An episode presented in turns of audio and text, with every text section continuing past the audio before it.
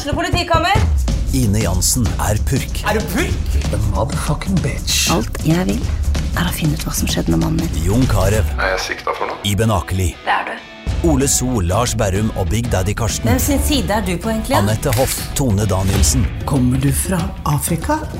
Jørnis Josef, Nesten. Kløfta. Trond Espen Seim, Det er synd å si det, men det var feil mann som døde. Purk. Premiere tirsdag på TV2 Play. Ja, Velkommen til episode 200 av Level Backup. 200? 200, Episode 200. Dette blir en litt spesiell episode, og en av de mest spesielle tingene med denne episoden er at vi introduserer nye introvignetter for første gang. Oh yes. Og vi tenkte å starte med presentasjon av de to som har lagd de introvignettene, for dette dukka bare opp i eh, e-posten vår tidligere i år. Martin Herfjord og Christian Fonland. Martin, hva er det som fikk dere til å lage dette her? Du, jeg har hørt på eh, Level Up siden episode 1 på VGTV, og det har virkelig hjulpet meg til å akseptere meg sjøl som gamer. Høydepunkt i uken hver gang det kommer ut. Ja, det er store ord, og dette er jo liksom Det at vi får sånne ting bare tilsendt uten at vi har bedt om det, er nesten liksom magisk. Eh, tusen takk, altså. Vær så god. Men eh, for å spørre dere, dere er jo tydeligvis Dere hører jo på podkasten vår. Hva er det som gjør at, eh, at dere syns Level Backup er Norges, ja, kanskje verdens Kanskje verdens beste spillpodkast? Eller, eller podcast generelt. Podcast generelt. Nei, det er jo definisjonen på episk, da, føler jeg. Det er liksom det beste man kan få av underholdning. Ja. Oppsummert. Det er veldig personlighetene, integritet. Ja. Det hjelper oss å vokse som eh, Ja, også, dette er jo episode 200. Kan dere ikke smøre på litt tjukkere? Ja, altså, Jeg hadde tenkt å drepe hele familien min og planlegge et terrorangrep i Oslo, men så hørte jeg på Level Up, og så bare ble jeg et mye bedre menneske. Ja, Nå begynner det å ligne noe. Christian? Altså, jeg lærte jo Super Saiyan av Carl eh, her, og eh, det Det begynner, det begynner å komme seg, altså. Ja, begynner å komme seg. Kan, kan, kan, du, kan du synge det, Martin? Altså, før trodde jeg var menneske, men når jeg hører på Level Up, blir jeg en gud.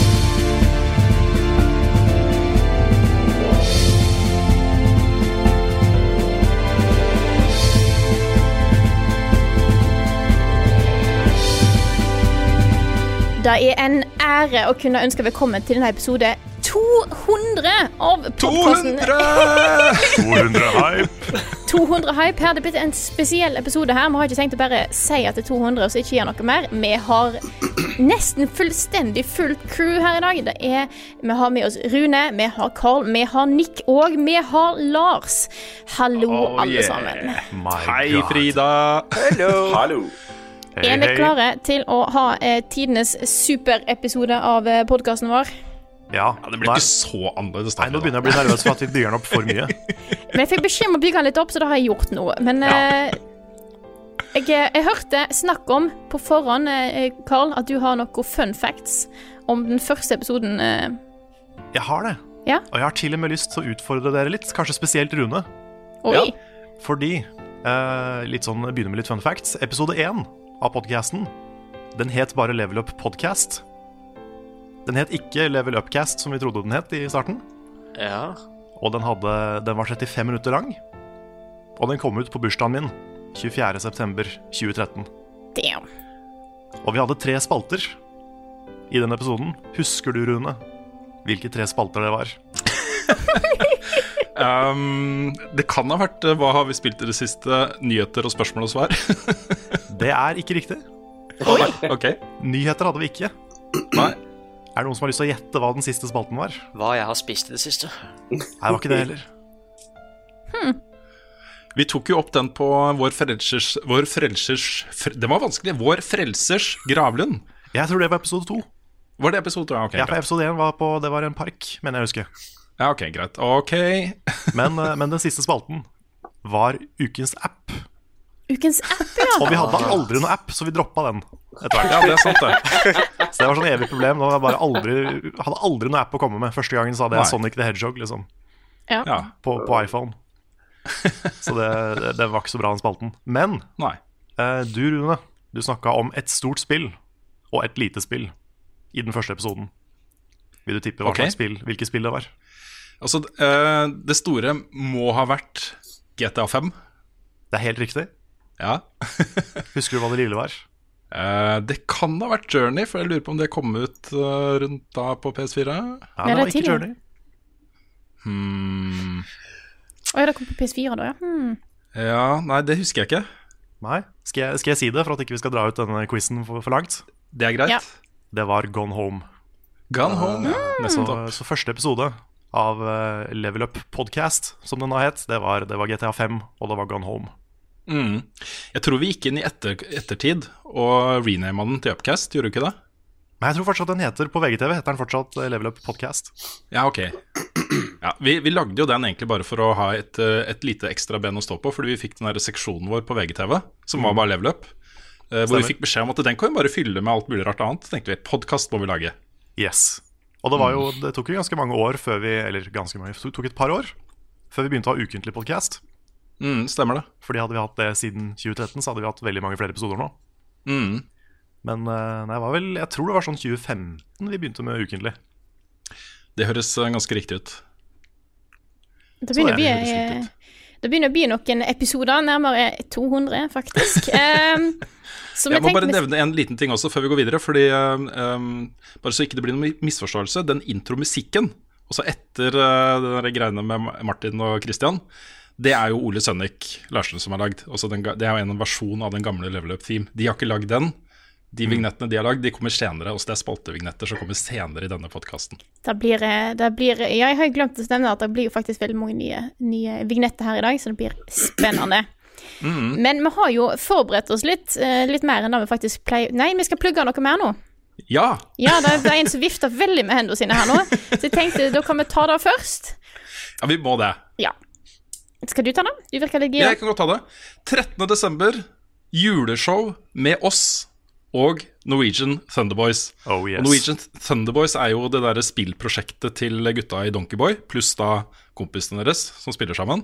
Og vi er liksom, hva skal vi si, sånn venne, vennegjenger, på en måte. Altså sånn, du har, eh, I fotball så er det vennelag, ikke sant. Eh, det det er på vårt vennelag. Jeg har vært hos de og spilt og sånne ting. Vi skal ha et ordentlig juleshow på Edderkoppen i Oslo 13.12. Billettene tror jeg blir lagt ut for salg omtrent samtidig med denne podkasten her ute. Eh, men det er, jeg tror det er snakk om Ticketmaster. Så hvis du går på Ticketmaster og søker på uh, Level Up og Norwegian Thunderboys spiller julen inn, så, uh, så tror jeg du finner det. I, I løpet av veldig kort tid, i hvert fall. Ja, Er det alle noe bli- aldersgrense på arrangementet denne gangen? Nei, Jeg er usikker. Jeg tror de, jeg tror de har sånn vanlig serveringspolicy for uh, konsertsteder i Oslo, som går på at det, hvis, hvis du vil ha øl, så må du vise legg i baren. Jeg tror det. Så jeg tror ikke det er aldersgrense. Um, og vi er jo ikke noe sånn R-rated uh, i utgangspunktet. Nei, det er ikke ikke, sant. ikke til vanlig. Vet aldri hva som skjer på sånne shows. Nei, det er sant da. Men jeg har ikke full oversikt over det også, så sjekk, eh, sjekk det nøye. Det vil jo da stå på uh, billettsiden på Ticketmaster. Og det blir da deg, Frida, deg, eh, Carl, og du har også lyst til å være med, Lars. Yes. Jeg skal prøve å få det til hvis jeg, hvis jeg klarer. Jeg har eh, allerede spurt om å få fri, så da gjenstår det å få Så lenge noen kan ta den vakta mi, så er det mulig. Ja, prøv å finne ut det litt kjapt, sånn at vi kan uh, klistre opp at uh, 'featuring Lars' på uh, billettsalget og sånne ting. Ja, greit. Jeg skal, ja, jeg skal gi beskjed så fort jeg vet. Mm. Vi lager også en liten eh, promovideo for det på Edderkoppen eh, i dag, fredag. Som eh, også da kommer ut sannsynligvis i dag, fredag. Yes. Vi håper jo Greit. håper vi får med deg også. Nick. Yeah. Mm. Det hadde vært veldig kult. Det har det veldig kult. Det blir the most ambitious crossover event in history. Yes. Det er, sånne ting kan være litt skummelt, men det, jeg skal prøve. Kult, kult. Du er hjertelig velkommen, i hvert fall. Det er det. Mm. Thank you. Det er ferdig med å plugge. Har jeg lov til å fortsette nå? Jepp. Herlig. For vi har jo forberedt oss litt, sånn i motsetning til alle andre ganger. Eh, nesten. Eh, fordi vi tenkte at eh, det er jo begynner å bli en stund siden høsten 2013. Så hva er det egentlig som har skjedd de siste fem årene? Nei, vi skal nemlig nå presentere våre topp fem spill siden høsten 2018. Ja, Så- nærmere bestemt. Og det er viktig at du poengterer datoen, fordi det er da 24. september. Ikke Da var det ingen som sa til meg, skjønner du. Sånn at eh, jeg, jeg, sa, jeg sa høsten. Du jeg sa tenkte, høsten? Jeg tenker liksom Så lenge det er høsten, så er det greit. Men, eh, Ja, jeg ser men det gå Jeg ser på lista mi nå at det skal gå helt fint. Ja, fordi det er, det er noen Det er noen spill som kommer ut eh, eh, det året, da. Og så da GTA 5 17.9., ikke sant? Mm. Um, det er jo da noen dager noen, Ja, ikke sant. Last of Us 14.6. Eh, Bioshock Infinite kommer da i mars. Så det er, liksom, det er en del spill som ikke kommer med her. Bare Ja. Det er ekskludert fordi vi ikke hadde begynt å lage podkasten vår ennå. Så Riktig. hvem har lyst til å begynne? Jeg foreslår Rune, for da kan jeg gå fra min vanlige rekkefølge. Ja, det er greit. Um, jeg, uh, noen honorable mentions først, eh, som jeg ikke fikk plass til på topp fem. Inside. Det her er da de spillene som var nærmest topp fem. The Last Guardian. Super Mario Odyssey. Og Zelda Breath of the Wild. Oi. Veldig nære topp fem.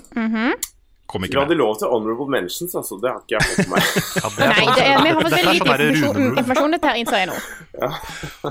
Og så på delt femteplass Jeg bare tuller, jeg bare tuller. Jeg tuller. Oi! Tre spill! ja. Ja, ja. Topp 40 fra Rune her, på femteplass. Nei, på femteplass, jeg må ha med Destiny. Det, alt annet ville vært utrolig rart eh, å ikke ha med Destiny på min topp fem-liste for den perioden som har gått siden. For det kom jo ut da 9.9.2014. Um, og det ikke alt det innholdet som jeg mener er liksom verdt en topp fem-plassering, men totalt sett raidene. Også eh, Walter Glass kom jo da høsten 2014. Eh, Taken King kjempebra, Forsaken kjempebra. Så det er liksom Og jeg spilte mye. Det må med. Femteplass. Og så blir det jo vanskelig, da. Eh, på fjerdeplass Dark Souls 3. Hey. Det, det kom ut eh, 12.4.2016. eh, og kunne til, Rekkefølgen her vet jeg ikke ennå, men jeg har satt opp liksom rekkefølge. Jeg plasserte det der. Det kan hende at det er høyre. Kanskje. Jeg vet ikke. Og så har jeg en delt andreplass, fordi jeg vil ikke avsløre Jeg vil ikke avsløre eller mene noe om hvilket av disse to spillene som er best ennå, for de kom ut i år. Det er da Red Dead Redemption 2 og God of War. Delt andreplass.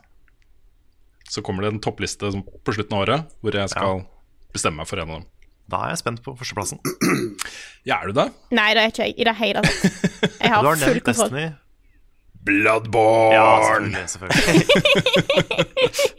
det burde jeg ha visst, for det er jo min skyld. Ja. Ja, det er din skyld, Karl. Ah, herlig. Mm. You did this. I did this. Yes, det var min topp fem. Ok, er, har du lyst til å fortsette, Carl? jeg har lyst til å fortsette.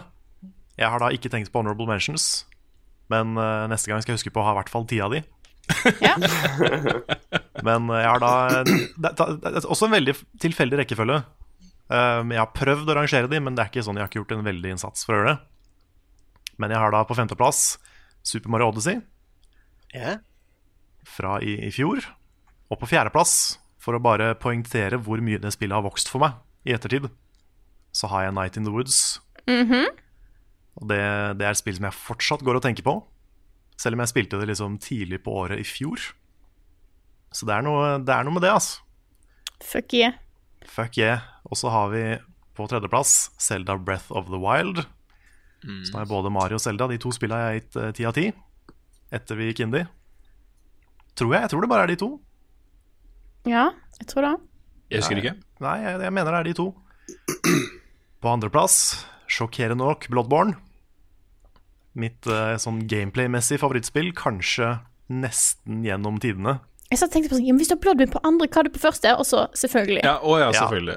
Ja. Førsteplass, Undertale. Yeah. Fordi det spillet Mm. har kutta seg inn i sjelen min som ingenting annet i hele verden. Yes. Så det, ja, det er bare helt nydelig. Jeg kan nesten ikke det er, det er ting i det spillet jeg ikke klarer å tenke på uten å få klump i halsen. Så det er bare my heart. Jep. Så det er okay. min liste. Ja. Lars, har du lyst til å komme med dine topp fem?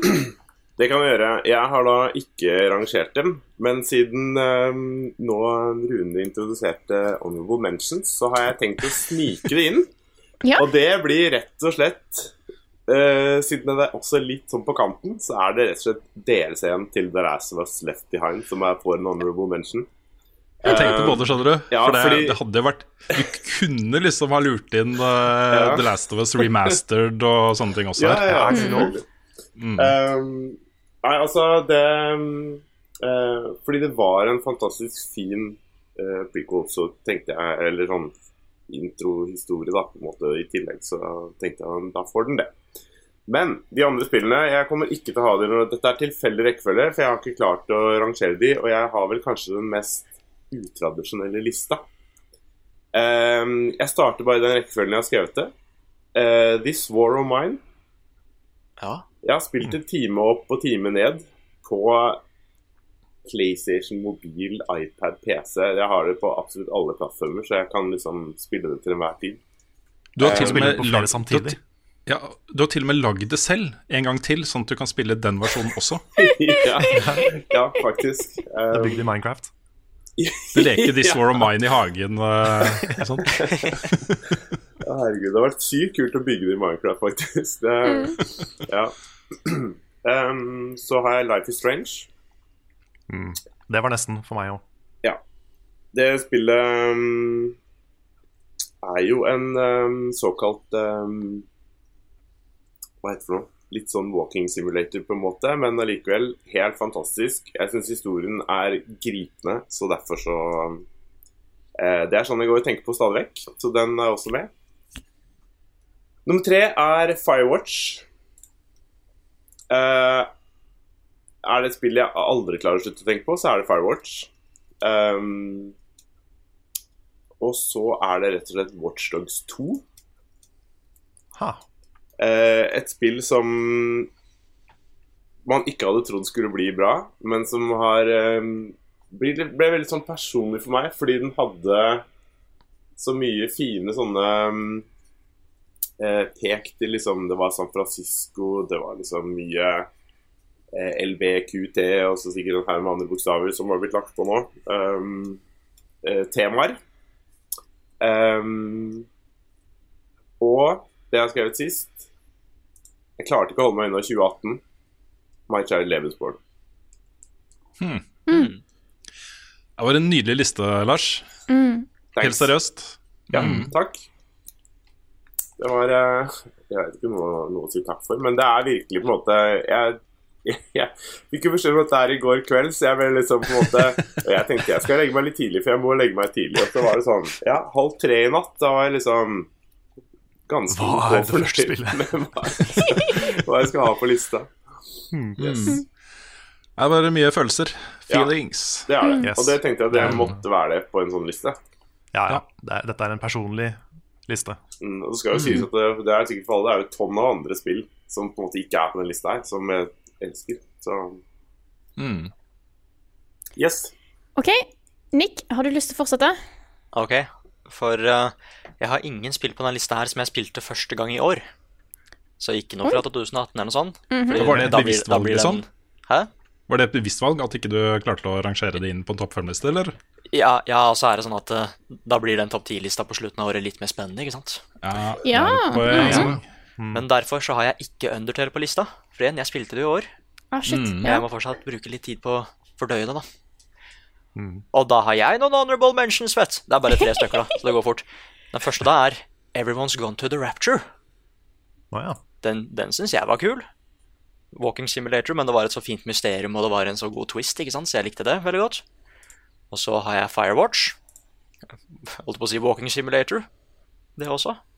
Og det siste da er, er Hmm. Det er de jeg har på Honorable Mentions. Ok, og på femteplass da, så har jeg Overwatch. Damn. Det første spillet jeg ga ti, ja. som eh, jeg tror fortsatt er en ti. Jeg må kanskje spille det litt mer igjen nå, jeg er ikke helt sikker, men jeg tror fortsatt det er en ti.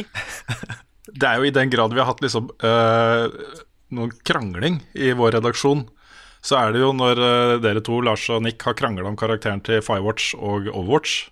Ja. Ja. Så øh, ja. Level Up Civil War. At ikke dere tok Watch Dogs også samtidig. Er det andre spill øh, med Watch i seg som vi kan Som har i seg, Ja. Nei, jeg, jeg husker den krangelen der at uh, Lars hadde lyst til å gi Firewatch en syv! Og da sa jeg nei, Lars. We can't do that. Nei, men altså, Jeg ble jo enig med deg til slutt der, da. det skal sies. For at det, men det var liksom på en måte min insta første greie. Og så vokste det spillet på meg gjennom andre og tredje og fjerde gjennomspilling. Og det ble bare sånn holy shit. Jeg innser jo at det er feil å gi det en syv. Mens det vokste. Det trengte ikke å vokse på meg, for jeg visste allerede at det var bra. ikke sant? Og, ja, ja, ja, ja. Ja, så- Og så var vi litt uenige med Overwatch. Men, eh, og på fjerde så har jeg Bloodborne. Altså, så klart. Jeg er glad i Soul-spillet. Og, eller Soulish-spillene, da. Venter fortsatt på neste Bloodborne. Kanskje blir Se Sekiro, jeg veit ikke. Og på tredjeplass så har vi Hellblade Senuas Sacrifice. Som jeg nå spilte på nytt igjen her forleden, fordi jeg har lyst til å prøve å lage en sånn spoileranmeldelse til det, men jeg, jeg, får, jeg blir jo ikke ferdig med det. Men jeg spilte gjennom det på nytt igjen bare for å se om det har holdt seg. Det, det har det. Hmm. I cried. Ja, det er, eh, det er et heavy spill, altså. Det er det. Altså det, og det er liksom den mest overraskende tieren for meg, da. Jeg husker at jeg skaffa spillet bare fordi at ja, norrøn mytologi, da. Det så jo litt kult ut. Altså bare Jeg visste ikke at det skulle bli så bra, liksom. Nei. Det er ikke helt det du forventer å, å få når du starter det spillet. Nei. Og på andreplass, da, så har vi Super Mario Odyssey. Ikke Zelda Breath of the Wild. Men uh, også fordi det at uh, det er oppfølgeren til uh, Mario 64, ikke sant? Ja, det, er det. sånn jeg, det er sånn jeg ser på det. Mm. Jeg digger det spillet. Jeg er fortsatt ikke helt ferdig med det, men jeg skal få tak i All the Moons der. Og det aller siste da er jo så klart Near Automata. Oh yes. Altså, så klart det er det. Det, det er sånn derre det, er alltid litt skummelt å gi en tier, men det, det var første gang hvor det var bare 100 åpenbart at ja, det er ikke noe tvil om at det spillet er toppscore, da. Men, og, og jeg føler at jeg har liksom ikke noe særlig lyst til å spille det igjen, for jeg veit hva som skjer, og ting er først veldig kult, og så blir det plutselig veldig dark, og så går det tilbake til å bli vakkert og sånne ting, ikke sant? Så jeg veit ikke om det er noe vits i å spille det en gang til, for jeg har allerede fått alt det jeg vil fra det spillet. Så det, så det. Mm. Mm. Det var min liste. Da er Mye bra spill, altså. Absolutt. Da tar jeg over her. Jeg har, Den har vært vanskelig, så jeg har litt eh, Jeg har eh, et par, eh, tre, fire honorable mentions. Eh, jeg begynner med den første. Det er The Stanley Parable. Ja, den vurderte jeg. Mhm. Ja, same. Eh, jeg har òg eh, Stardew Valley på honorable mentions. Night in the Woods har jeg plassert der òg. Og New Automata. Og så har jeg et problem. Fordi jeg har to spill som Jo mer jeg tenker på det, jo vanskeligere er det å plassere. Så jeg har lyst til å ha de på en måte på lik linje, men det går ikke. Så dere kan Ja, de ligger i hvert fall der. Og da er Så det de blir som topp seks, eller? Nei, det, Er det det du prøver å si? de to spillene som kniver om eh, femteplassen, men en av de må hoppe ned. Jeg klarer ikke helt å bestemme meg for det. Ja. Det, er, det er rett og slett uh, Det står mellom eh, Celeste og Bajonetta 2. Det er to Oi, oi. tunge gameplay-spill her som, er, som kniver om femteplassen. Ellers har jeg ingen sånn doble, da. Jeg så Fordi- Celeste har eh, blitt nominert til eh, Game of the Year eh, på Game Awards. Sammen Ja. med liksom Red Dead Redemption 2 og God of War og alle de svære, liksom. Jeg må få spilt det først. Det er jæklig bra, ass. Mm. Eh, så ja, eh, så kan vi hoppe videre her. Jeg vet ikke helt om ting, hva rekkefølge ting er, men jeg vet i hvert fall hva som skal være på topp. Eh, vi har her Zelda, Breath of the Wild, på en eh, ish fjerdeplass. Vi har Persona 5 på en ish tredjeplass. Vi har Ori and the Blind Forest på en ikke andreplass. Det er faktisk eh, perfeksjonering av eh, plattformspill og eh, kos. Ah, det må jeg også få spilt. Mm. Og på toppen så må jeg eh, Jeg må plassere Undertale på toppen. Sånn er det. Hell yeah. Mm. To førsteplasser til Undertale, altså. Yes. Ble det? Mm. Ellers er det kult at vi hadde altså, Det var jo noen gjengangere, men det var mye mange forskjellige spill der. Det syns jeg er bra. All right Mm. Jeg skal si at jeg tenkte meg godt om, så tenkte jeg liksom at jeg, jeg hadde en anelse om hva dere kom til å ha på lista deres, så jeg prøvde litt å unngå de også, på en måte. Og samtidig som jeg tenkte på hva jeg som faktisk har betydd mest for meg. Så det er jo Altså, Bloodborne var farlig nære ved å havne på lista mi, ja. Og den kunne lett ha vært en førsteplass. Mm. Åh, jeg skulle bare hatt liksom eh, på førsteplass Destiny, på andreplass uh, Destiny The Taken King, på tredjeplass Tredjeplass Destiny 2, fjerdeplass Destiny Forsaken. Ikke sant? Mm. oh, men jeg tror egentlig da at vi skal ha vår første vignettpremiere, skal vi ikke det? Jo. Hva har du spilt?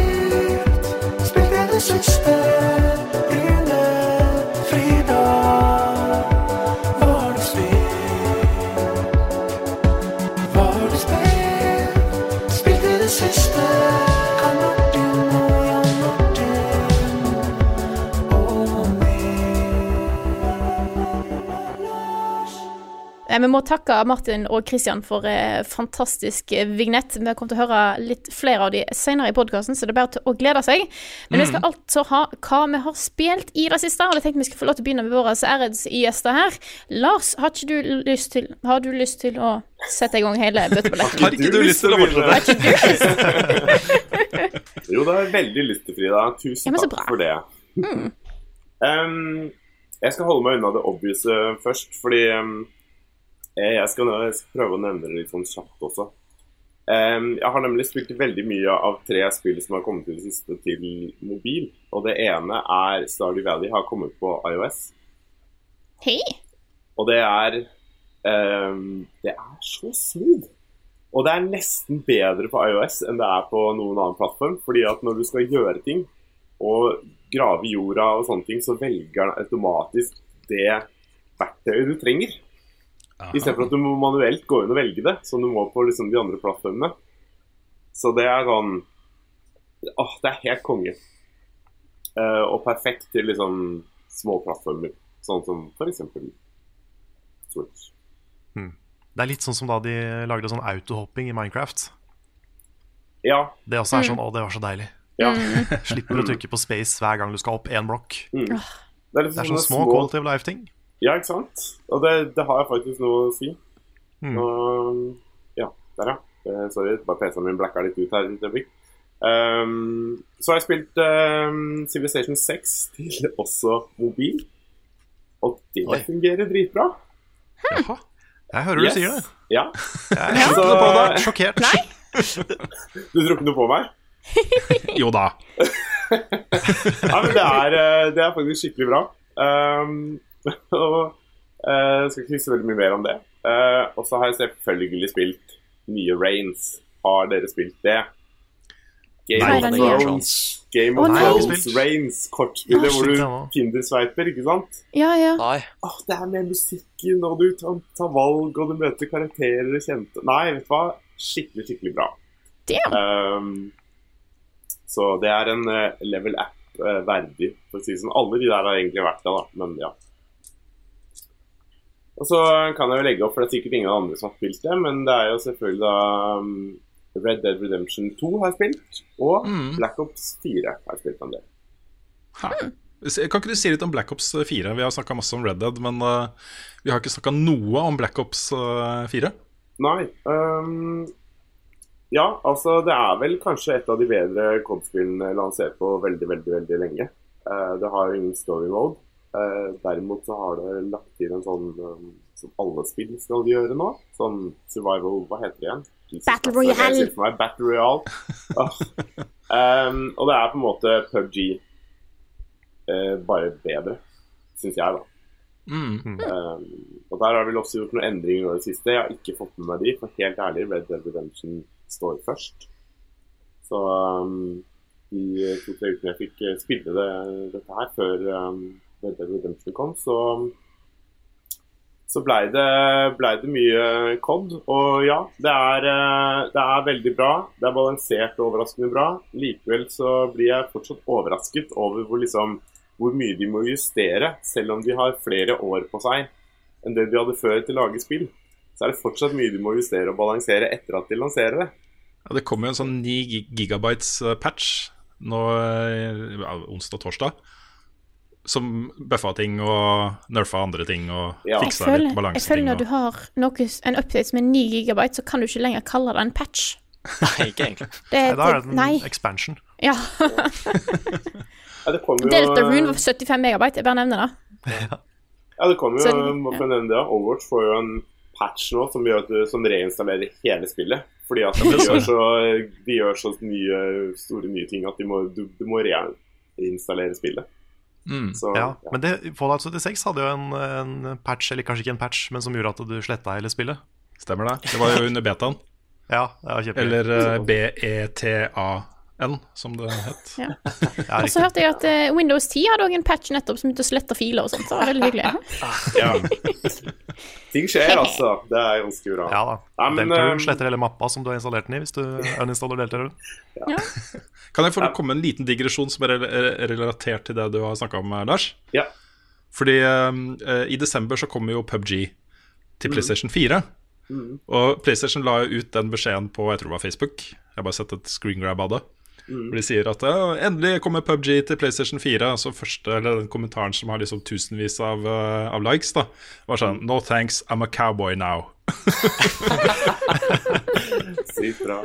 Men jeg, Mm. jeg syns litt synd på PubG når de liksom De la nettopp ut en trailer som viste at den store nye tingen er at du kan liksom kle deg ut som Joker og Harley Quinn i spillet. Okay, ja. Og det er liksom Å ja. Det er det, det, er det dere har. Ja, på, på PlayStation Ja. så kan du kle deg som Nathan Drake. Ja, ok. Shit. Mm. Ah, de prøver i hvert fall. Ja, de prøver Ja. litt å være Fortnite, kanskje, akkurat der. Mm. Men det er litt sånn, åh, er litt sånn synd. Åh, tenk å være Jeg, bare- jeg, jeg syns så synd på dem. Tenk å være PubG. Du har hele markedet, og så har du ingen. Plutselig. Mm. Jeg lurer på hvor mange som spiller PubG nå. Ja. Og det har vært interessant å vite. Ja, ja. ja. Jeg skal legge til en liten ting. Eh, det er jo ingen story mode i Black Ops 4, men den har allikevel sånn at du kan spille gjennom en liten, bitte liten sånn greie med hver specialist som er i det spillet. Og da får du små, små backstory til hver, til hver av karakterene, da. Og ved å gjøre alle disse tingene, så, du på, så kan du selv liksom pusle sammen den storyen de har lagt inn, da. Eh, så det er en litt kul måte, samtidig som det ikke er så spennende å spille gjennom de der eh, kampene som å spille mot botter, for å være helt ærlig. um, så, så er det veldig kult. Og det er noen backstories der som er veldig sånn heartbreaking. For eksempel eh, til um, Mr. Firebreak, er det ikke det han heter? Han, um, han fyren som har sånn flammekaster. Mm. Så det er, um, det er noe der, men um, ja. Nei, det spillet er uh, overraskende bra, og jeg skjønner uh, Jeg skjønner at det på en måte har, har, på en måte tatt av litt, da, enn at det har blitt så bra som det har blitt. Mm. Yes. Yes. Yes. Da eh, kan vi fortsette til- med vår andre uh, gjest i dag, Nick. Yeah. Så god. Mhm. For jeg har spilt uh, to spill. Ja. Jeg sitter fortsatt fast på blackjack i Red Dead Redemption.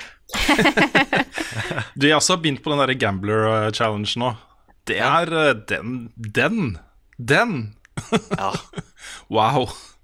Ja, det er sånn Kanskje jeg ikke bør gå for 100 Det Ja, så Problemet da med de challengene er at det er jo, du må fullføre alle sammen for å få den beste uh, gearet i spillet. mm, Ja. Eh, er det Legend of the West den heter? Den, eh, Nei, Legend of the East. Legend of the East, selvfølgelig. Ja, ja, ja. Jeg har fått uh, den taska, uh, så jeg samla alle de greiene så jeg får den taska. Det er jo helt absurd. Du går fra å kunne ha liksom ti av ting til å ha, kunne ha 99. Ja. Så kan du bare pøse på med health eh, og alt mulig rart, ikke sant? Altså, Så- jeg, jeg har lyst på den drakta der, men jeg må Mm. bare Jeg må bare vinne med fem kort på blackjack. Og det skjer ikke. Ja, du, du har fått med deg hva de siste er, eh, Nick? Nei. Nei, det er eh, Du må vinne tre Dominoes-runder på rad. Åh, nei! Det er den ene av de. Altså, de, de neste fem åra av livet. ja, det blir fort, det, altså. Åssen gjør man det, ja? Ja, åssen gjør man det? Det er bare random.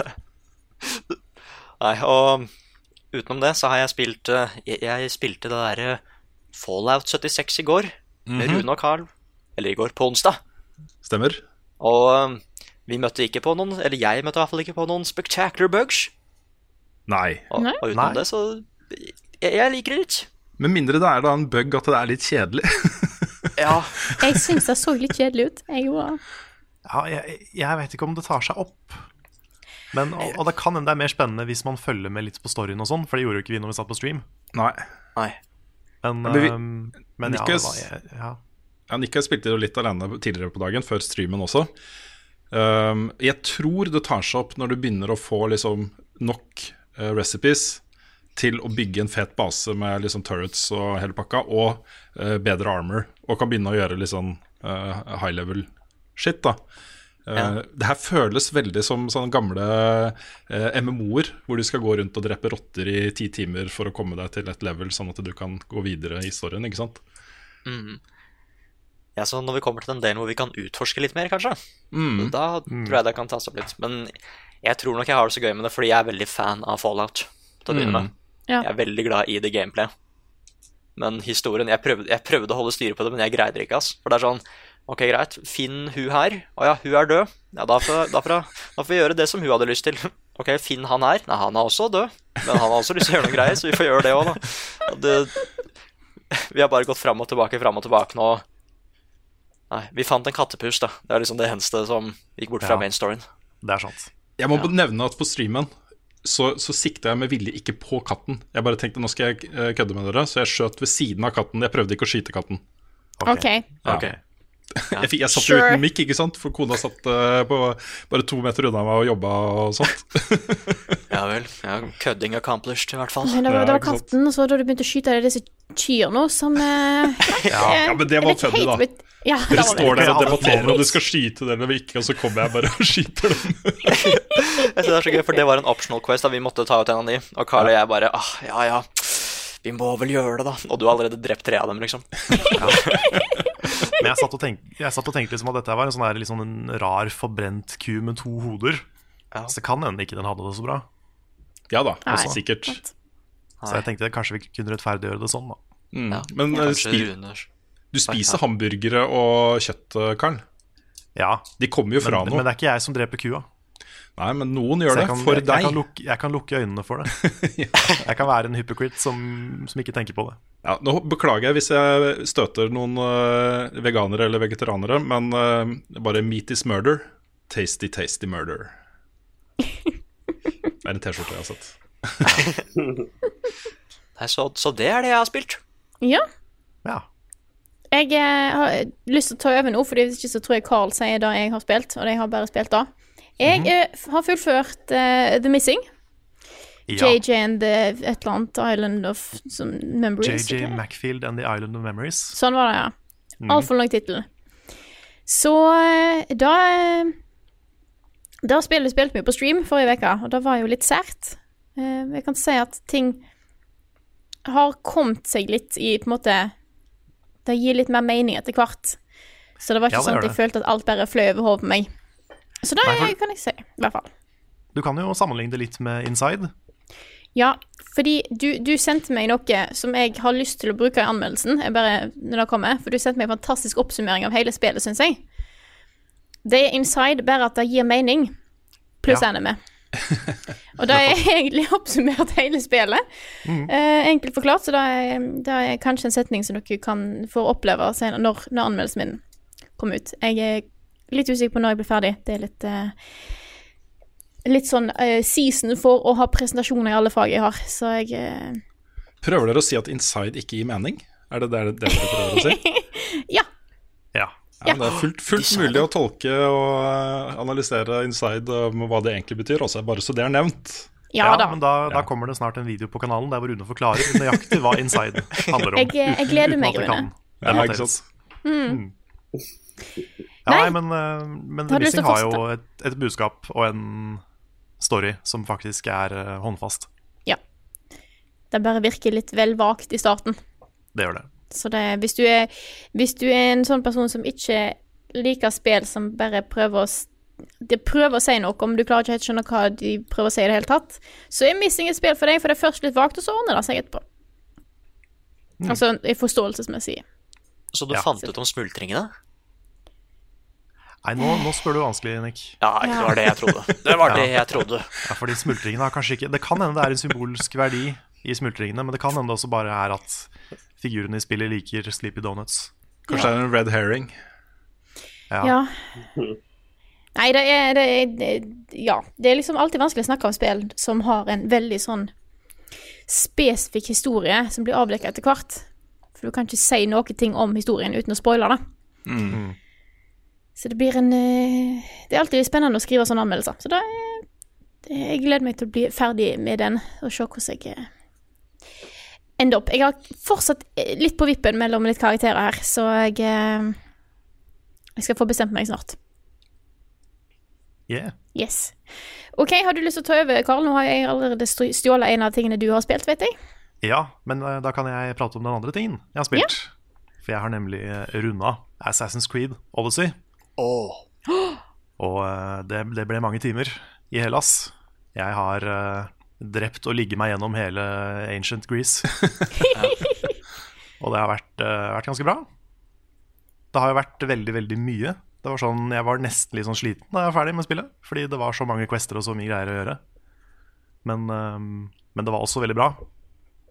Jeg syns alle tre main storyene hadde en de, var liksom, de var spennende nok til at jeg gadd å gjøre, gjøre de. Mm. Og eh, Cassandra var en dritkul hovedperson. Jeg spilte som henne. Og en veldig sånn utradisjonell hovedperson for, eh, for et spill. Eh, I hvert fall for et uh, Assassin's Creed-spill, som var veldig kult. Og, og så fikk jeg etter hvert fullt Amazon uh, Armor Set. Og, og da ble det jo plutselig et veldig kult Wonder Woman-spill også. Så jeg gikk rundt og liksom nesten bare var Wonder Woman. Og Det var ganske kult, for du får jo liksom superkrefter etter hvert òg. Mm. Så det, det, det føltes som å spille et Wonder Woman-spill. Så Wow. Nei, men jeg er veldig fornøyd. Det kan godt hende det spillet havner på, på topp ti for meg i år, altså. Mm. Det var mye bra i det. Og ja, en litt sånn opptur for Assassin's Creed for meg. Yeah. Det er helt sjukt at det spillet kom ut så fort. Sånn eh, med tanke på at Origins kom i fjor. Og at det er så crazy mye i det. Jeg tipper det er flere teams som har sittet her og jobba. jeg skulle Ja si, Hadde ja ikke to teams som begynte å jobbe parallelt på de to spillene? Når de begynte? Jo, det, det kan nok hende, men det som er litt kult, er at uh, Odyssey bygger veldig mye videre på det Origins gjorde. da Mm. Så det føles som en videreføring, selv om det Mm, blir det er sikkert samtidig. godt planlagt, da. Mm. sånn. Men ja. Men det, det virker som liksom mye av det her ble også laga som en respons på Origins. da Mm. Tenk de har to teams da, som sitter Ok, dere skal lage det første, og så skal dere lage det andre. Så hvis vi har en litt mer shitty versjon i den første delen, og så fikser vi det i andre delen, Ja, ja, det har vi da. Super. Hvis dere jobber med den shitty delen, så er det bra. ja Kanskje det er det de har tenkt. Ja. Og liksom Pass på at ikke det spillet her blir bra, for bra, Ja, ja. for da kan de andre lage noe bedre. Mm. Det er sånn Bunji jobber, vet du, med Destiny. Ja, det kan hende. Min, min teori, da. Det er bare en påstand. Ikke, jeg, kan ikke, jeg kan ikke bevise det, men jeg tror det. Nei. Mm. Ja, nei, men, eh, men eh, jeg holdt på å si Origins. Odyssey var, eh, var en opptur. Og jeg koste meg veldig. Det er, det er, det er morsomt hvor kåte alle figurene er. For det, er så, det har ikke vært så mye av det i Assassin's Creed før. Men så skal vi tilbake til Hellas, og så gir jo, det gir jo mening. Men det var andre tider, ikke sant? Ja, ja. Og du kan jo, det er ikke én romance option i det spillet, det er veldig, veldig mange. Og du kan jo bare si ja til alle. Ja. så det er, er kjempegøy. Yes, det virker som du er ferdig, så da gir jeg eh, ordet videre til Rune. Ja, Da kan jeg bare ta først en liten uh, overgang da, fra det du sa der, Karl. Fordi jeg, jeg spiller jo fortsatt Red Dead Redemption 2, og det kommer jeg til å gjøre lenge.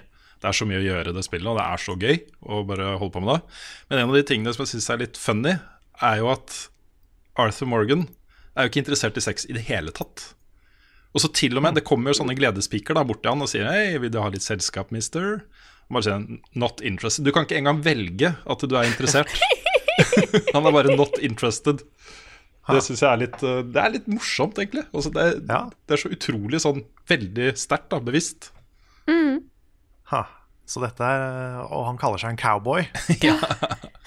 Ja, Men jeg har jo da starta spillet på nytt, eh, og nå gjør jeg det som jeg vet mange andre gjør, eh, har gjort fra starten av. Og det er bare slutte eh, med progress i storyen på sånn kapittel 2-3. Jeg er i kapittel 3 nå. Og hver gang jeg er innom leiren, så er han Dutch, da leder for den gjengen, er bare sånn Arthur, Arthur, jeg må snakke med deg! Kom igjen, hvor skal du? Åh, ikke bare gå, da, ikke sant?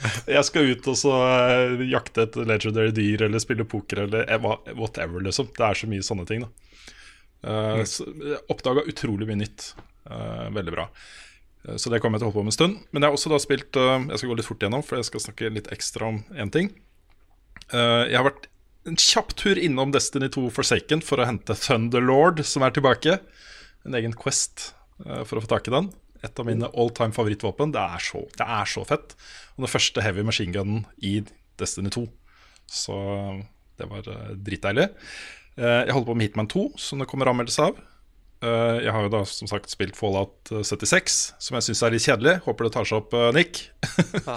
vi har liksom committa oss til å spille det en del sammen. Det blir på en måte anmeldelsen vår. da At vi spiller det sammen, og så lager vi et eller annet på slutten. Mm. Etter hvert. Men det jeg har spilt som jeg har lyst til å ta i litt ekstra på, da må jeg ta mikrofonen litt unna, det er Tetris Effect og Det er så jævlig bra! det er så jævlig Det er så bra! Det er helt kriminelt hvor bra det spillet er, altså. Hvorfor har ikke jeg begynt på det ennå? Nei, jeg ser Internett driver og prater om Tetris. Jeg har aldri sett Internett så gira på et Tetris-spill. Tetris er dritbra. du skjønner det ikke før du spiller det. Du skjønner det ikke før du spiller det Fordi uh, dette er jo lagd av uh, Mitsuguchi, som er uh, De beste tingene han har lagd, er jo rytmespill. Du har Luminous og Rest, to fantastiske spill. Og det han er god på, det er jo å lage et, et organisk soundtrack som endrer seg i takt med det du gjør. Og for det første, så musikken som er valgt ut her, er bare Det er så utrolig kul musikk.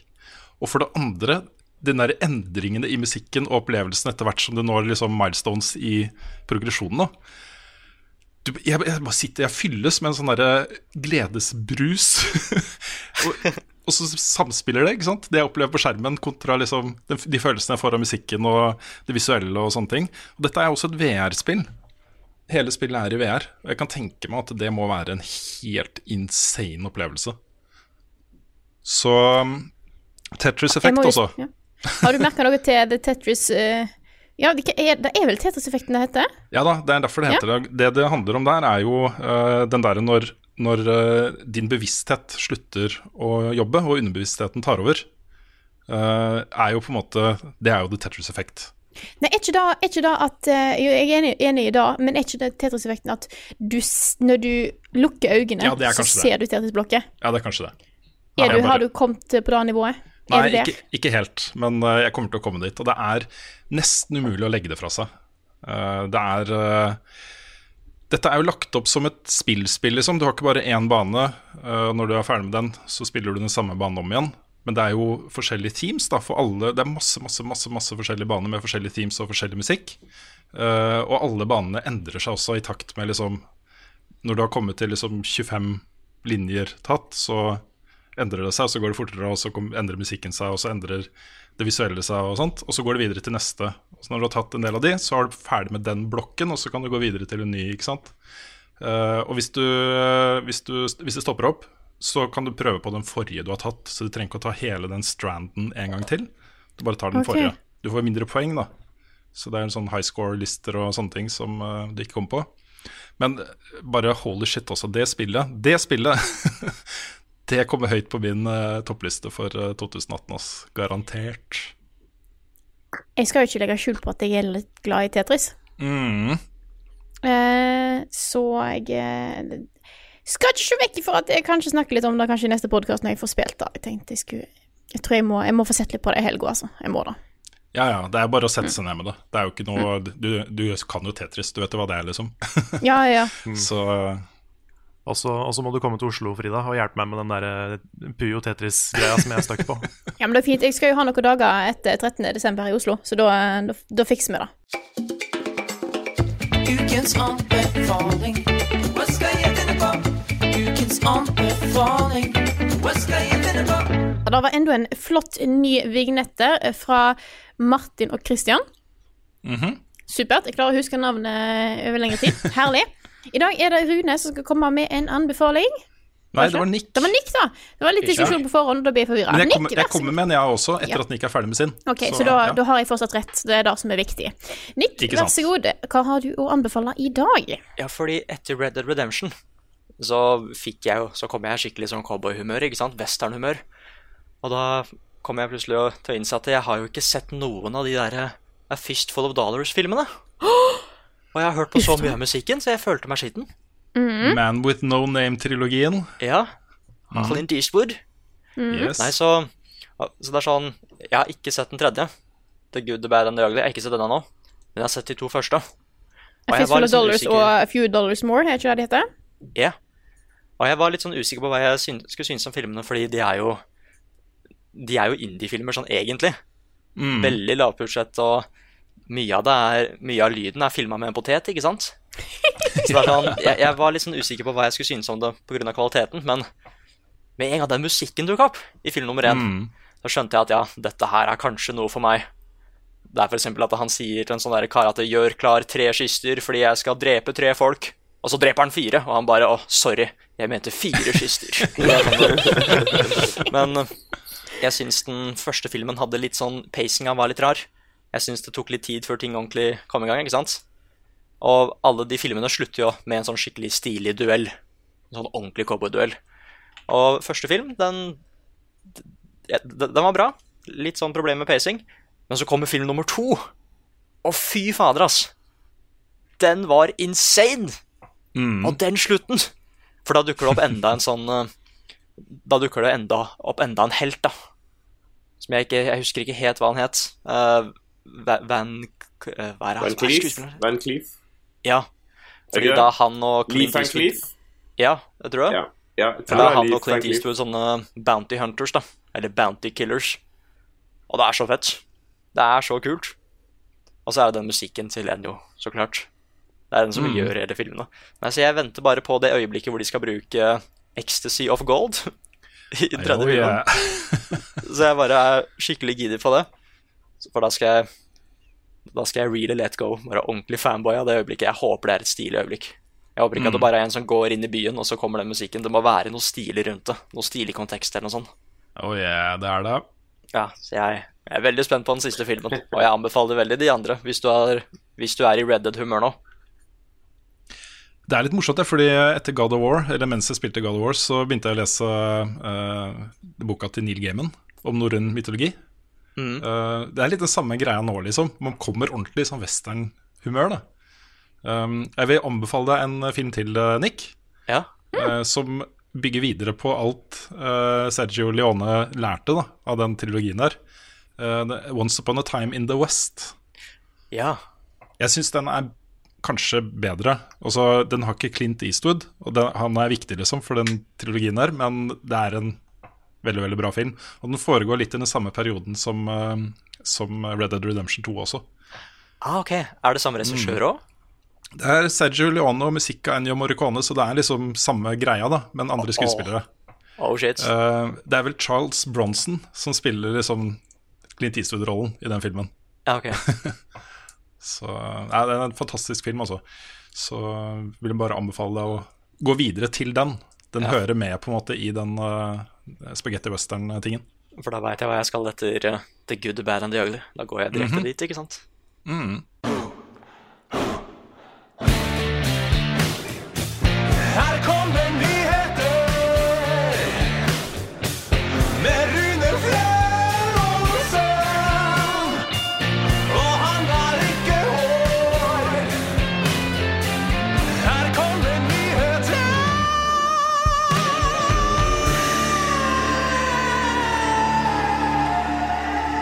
Så fine, nye vignettene våre.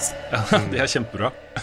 Ja, og så før vi kaster oss løs med nyhetsspalten, så eh, Lars er nødt til å gå, for han skal på jobb. Yes, det skal jeg. Mhm. Det var utrolig utrolig hyggelig at du fikk tid til å være med i hvert fall halve podkasten, Lars. Kjempebra. Ja, det var veldig hyggelig å være med. Det er jo eh, verdt å liksom være med og markere det her, føler jeg. Det er jo ikke Mhm. hver dag vi spiller 200 podcaster, holdt jeg på å si. Nei, vi, ses da- på, vi ses på nummer 400. Um, da blir det dobbelt så mye Lars. Dobbelt så mye Lars. Wow. Nei, men altså, tusen takk for meg. Dere får ha lykke til uh, videre. Og så ses vi garantert et annet sted. Eller høres. Høres Det gjør vi. Det gjør vi. Og da gir jeg ordet videre til Rune, for da skal vi faktisk ha nyheter. Vær så god. Vi skal ha litt nyheter. Jeg tenkte å begynne med eh, det som kanskje har prega ja, nyhetsbildet for alle som er opptatt av nerdeting eh, den siste uka. Og det er jo at Stan Lee døde. 95 år gammel. Det var vel på mandag. Og eh, det har jo vært eh, side opp og side ned eh, på internett med memes og minneord og personlige historier om hva Stan Lee har betydd for eh, folk og sånne ting. Og det er jo ikke noe tvil om at dette er en person som har prega alle de tingene vi er så glad i av liksom fantastiske eh, fritidsaktiviteter. Nei, det er sant. Vi prata litt om det i eh, spilluka denne uka her. Det er jo eh, Han er jo en fyr som har fått oppleve å se sine, sine kreasjoner bli massive kulturfenomener. Mm. Og det er jo figurer som betyr mye for mange. Vi prata litt i spilluka om X-Men, Spiderman og eh, alt det de er blitt symboler på for mange. Mm. Og det er jo ikke insignificant i det hele tatt. Nei, Det han uh, virkelig revolusjonerte da da han eh, tok over rollen som uh, redaktør for Marvel Comics, det var jo å gi disse superheltene veldig uh, hva skal man si virkelighetsnære bakgrunnshistorier. Og personlige eh, opplevelser som ligna våre egne, ikke sant? med kjærlighetsproblemer og eh, alt mulig rart. da det var en eh, det, det gjorde noe med hele, hele den superhelttingen, liksom. Eh, og mange av de heltene som, eh, som han var med på å skape, må man nesten si, da, fordi han får jo mye av æren for dette her. Eh, men han hadde jo to eh, co-skribenter og eh, tegnere med seg, Jack Kirby og Steve Ditko, som har vel så mye å si for både Spiderman og Hulken og X-Men og alle de der. Hans, eh, hans arbeidsmåte var jo å komme med kule ideer, og så tegne uh, disse her det han, ideene hans.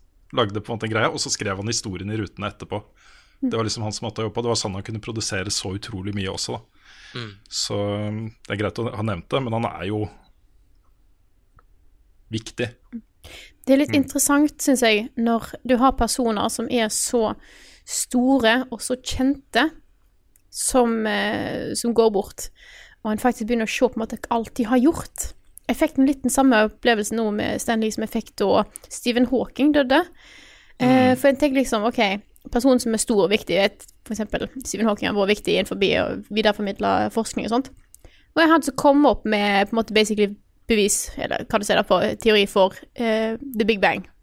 Det er ting som liksom jeg, jeg føler er sånn, så, så stort og så på en måte fastslått nå. Det samme med, med Spiderman og Hulk og alt det der. Det er ting som på en måte bare som jeg føler bare alltid har eksistert. Så det, Mm. jeg har liksom glemt litt at det, det er enkeltpersoner som står bak det. Det er helt fantastisk det Stanley har utrettet, altså. Det er helt, Det er helt helt sinnssykt. Det det handler om, er jo mye å gi, gi folk som kanskje føler seg litt annerledes, enn stemme, ikke sant? Um, og det er jobbe mot fordommer og mot mobbing og mot alt som er kjipt her i verden, via disse superheltene. Det er en uh, Ja, Jeg ser det, det at- det er mange som har delt uh, et innlegg fra Stan Lee fra 60-tallet, tror jeg. Der hvor han går ut mot liksom fordommer, rasisme, uh, bigotry, som han kaller det. Mhm. Eh, det. Det er kult å se det liksom på 60-tallet, og det, er, det kunne liksom vært skrevet i dag. da Ja, og det var uh, USA på 60-tallet. Var det radikalt? Ja, ja. Det var jo, mm. det var jo skummelt faen å publisere den, liksom. Ja. Mhm. Ja, Det er veldig bra. Vi eh, eh, kommer til å savne han, og arven hans vil jo leve evig. Så yes. Uh, videre til uh, det er alltid, Hvordan gjør man sånne overganger? Eh, vi snakka litt om det, jeg husker ikke hvilken sammenheng, men det var sånn Now, kittens in uh, funny Ja. hats. Ja. I dette tilfellet så er det. Hva sa du? And now for something completely different. Ja, for det blir completely different. Um, mange har jo lurt på uh, hva som skjer med Draugen, som er det nye spillet til Red Thread Games. Uh, Ragnar Tørnquist og co. Og nå har det fått sin første teaser-trailer. Og for en teaser-trailer det var! og så her, Det de gjør her, er jo én etablerer liksom den bonde norske nasjonalromantikken. Med fjorder og uh, dette bygningen som jeg tror er basert på et hotell. Jeg mener jeg har sett på vest, vestkysten Vestkanten Nei, vestkanten Vestkysten et eller annet sted. Jeg er usikker på om jeg har uh, Jeg har ikke sett traileren, det har jeg ikke rukket. Men det er jo et stort, kjent hotell på Voss. Det kan være Mm. det. Det er mulig at det er det. Nå kaster jeg ut Eh, bare teori her, så ja. Ja, og så får du, fikk du litt sånn info om hvem du skal uh, følge uh, i dette Som sannsynligvis blir ganske skummelt. Det heter jo Draugen. Uh, men det er jo da Jeg tror det er, er det broren og søstera, eller broren og kjæresten til broren til en som har forsvunnet. En amerikaner som har forsvunnet i Norge. Så de er da i Norge for å leite etter ja, Jeg husker ikke nøyaktig hvordan det var. Men det er jo en veldig sånn teaser-ting. Du får ikke se noe gameplay, eller noe sånt, men du blir introdusert for rollefigurene, for settingen. Eh, og jeg syns det skaper en bare helt utrolig flott stemning. da Jeg fikk veldig lyst til å spille det spillet, og den var faktisk så god at jeg ikke trenger å se mer før jeg liksom setter meg ned med det. Mm. Mm. Så det blir nesten litt nedtur å nå selge, så her er gameplay. Ja, sant. Det, er da- det er da de bare bør gi det ut. Så ikke gi noe mer enn det. Mm. Men, eh, ja. Eh, Det kommer da til PC, PS4 og Xbox One i 2019, så det har fått dato og teaser-trailer og litt bakgrunnshistorie. det, Good shit. det her tror jeg blir bra, altså. Mm. Ja, det ser, det ser veldig mye bedre ut enn det jeg så for meg et Draugen-spill skulle gjøre. Ja, ikke sant? Eh, Så kan vi gå videre til den andre store tingen i uka som har gått, og det var jo første traileren til Detective Pikachu. Detective oh. Pikachu. Jeg så det ble lagt ut på Community, og jeg tror eh, Tror det var rett før, eller i dag du hadde kommentert, Carl. Tenkte jeg bare sånn, jeg må bare se dette her. Ja. Det er jo Altså, først er det bare sånn Hva er dette her? Dette blir dårlig. Du sitter der bare sånn her Hva er dette her? Jeg vil ikke Vil vi egentlig ha denne filmen her? Og sitter bare sånn Ja. Ja, det vil jeg. Jeg vil se den. Jeg eh, det, det er liksom Nei. Det, det, var egentlig veldig sånn- koselig. Dette er sånn Mario pluss Rabbids bare ganger ti. Ja. Ja, ikke sant? At det liksom ingen hadde tro på det her. Bortsett Nei. fra kanskje den ene personen som hadde ideen om å lage den filmen her. Og bare ja, ja, vi caster Ryan Reynolds som Pikachu. det blir fett. Og bare alle bare ja, Jeg vil bare se for meg hvor mange mennesker som har himla med øya og tenkt 'herregud' mens det her har pågått. Mm. Men så kommer den traileren her, og nå er altså ikke alle, men bortimot alt jeg ser og leser om folks meninger om den filmen her, er liksom folk er hyped. Ja. Mm.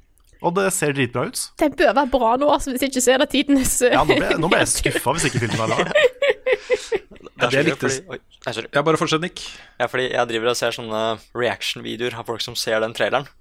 Og det er veldig veldig gøy, fordi når du ser de Pokémonene på starten, så syns alle dem er litt sånn ekle. Bare ja, de er litt uh, Ja, jeg, jeg liker ikke den realistiske looken.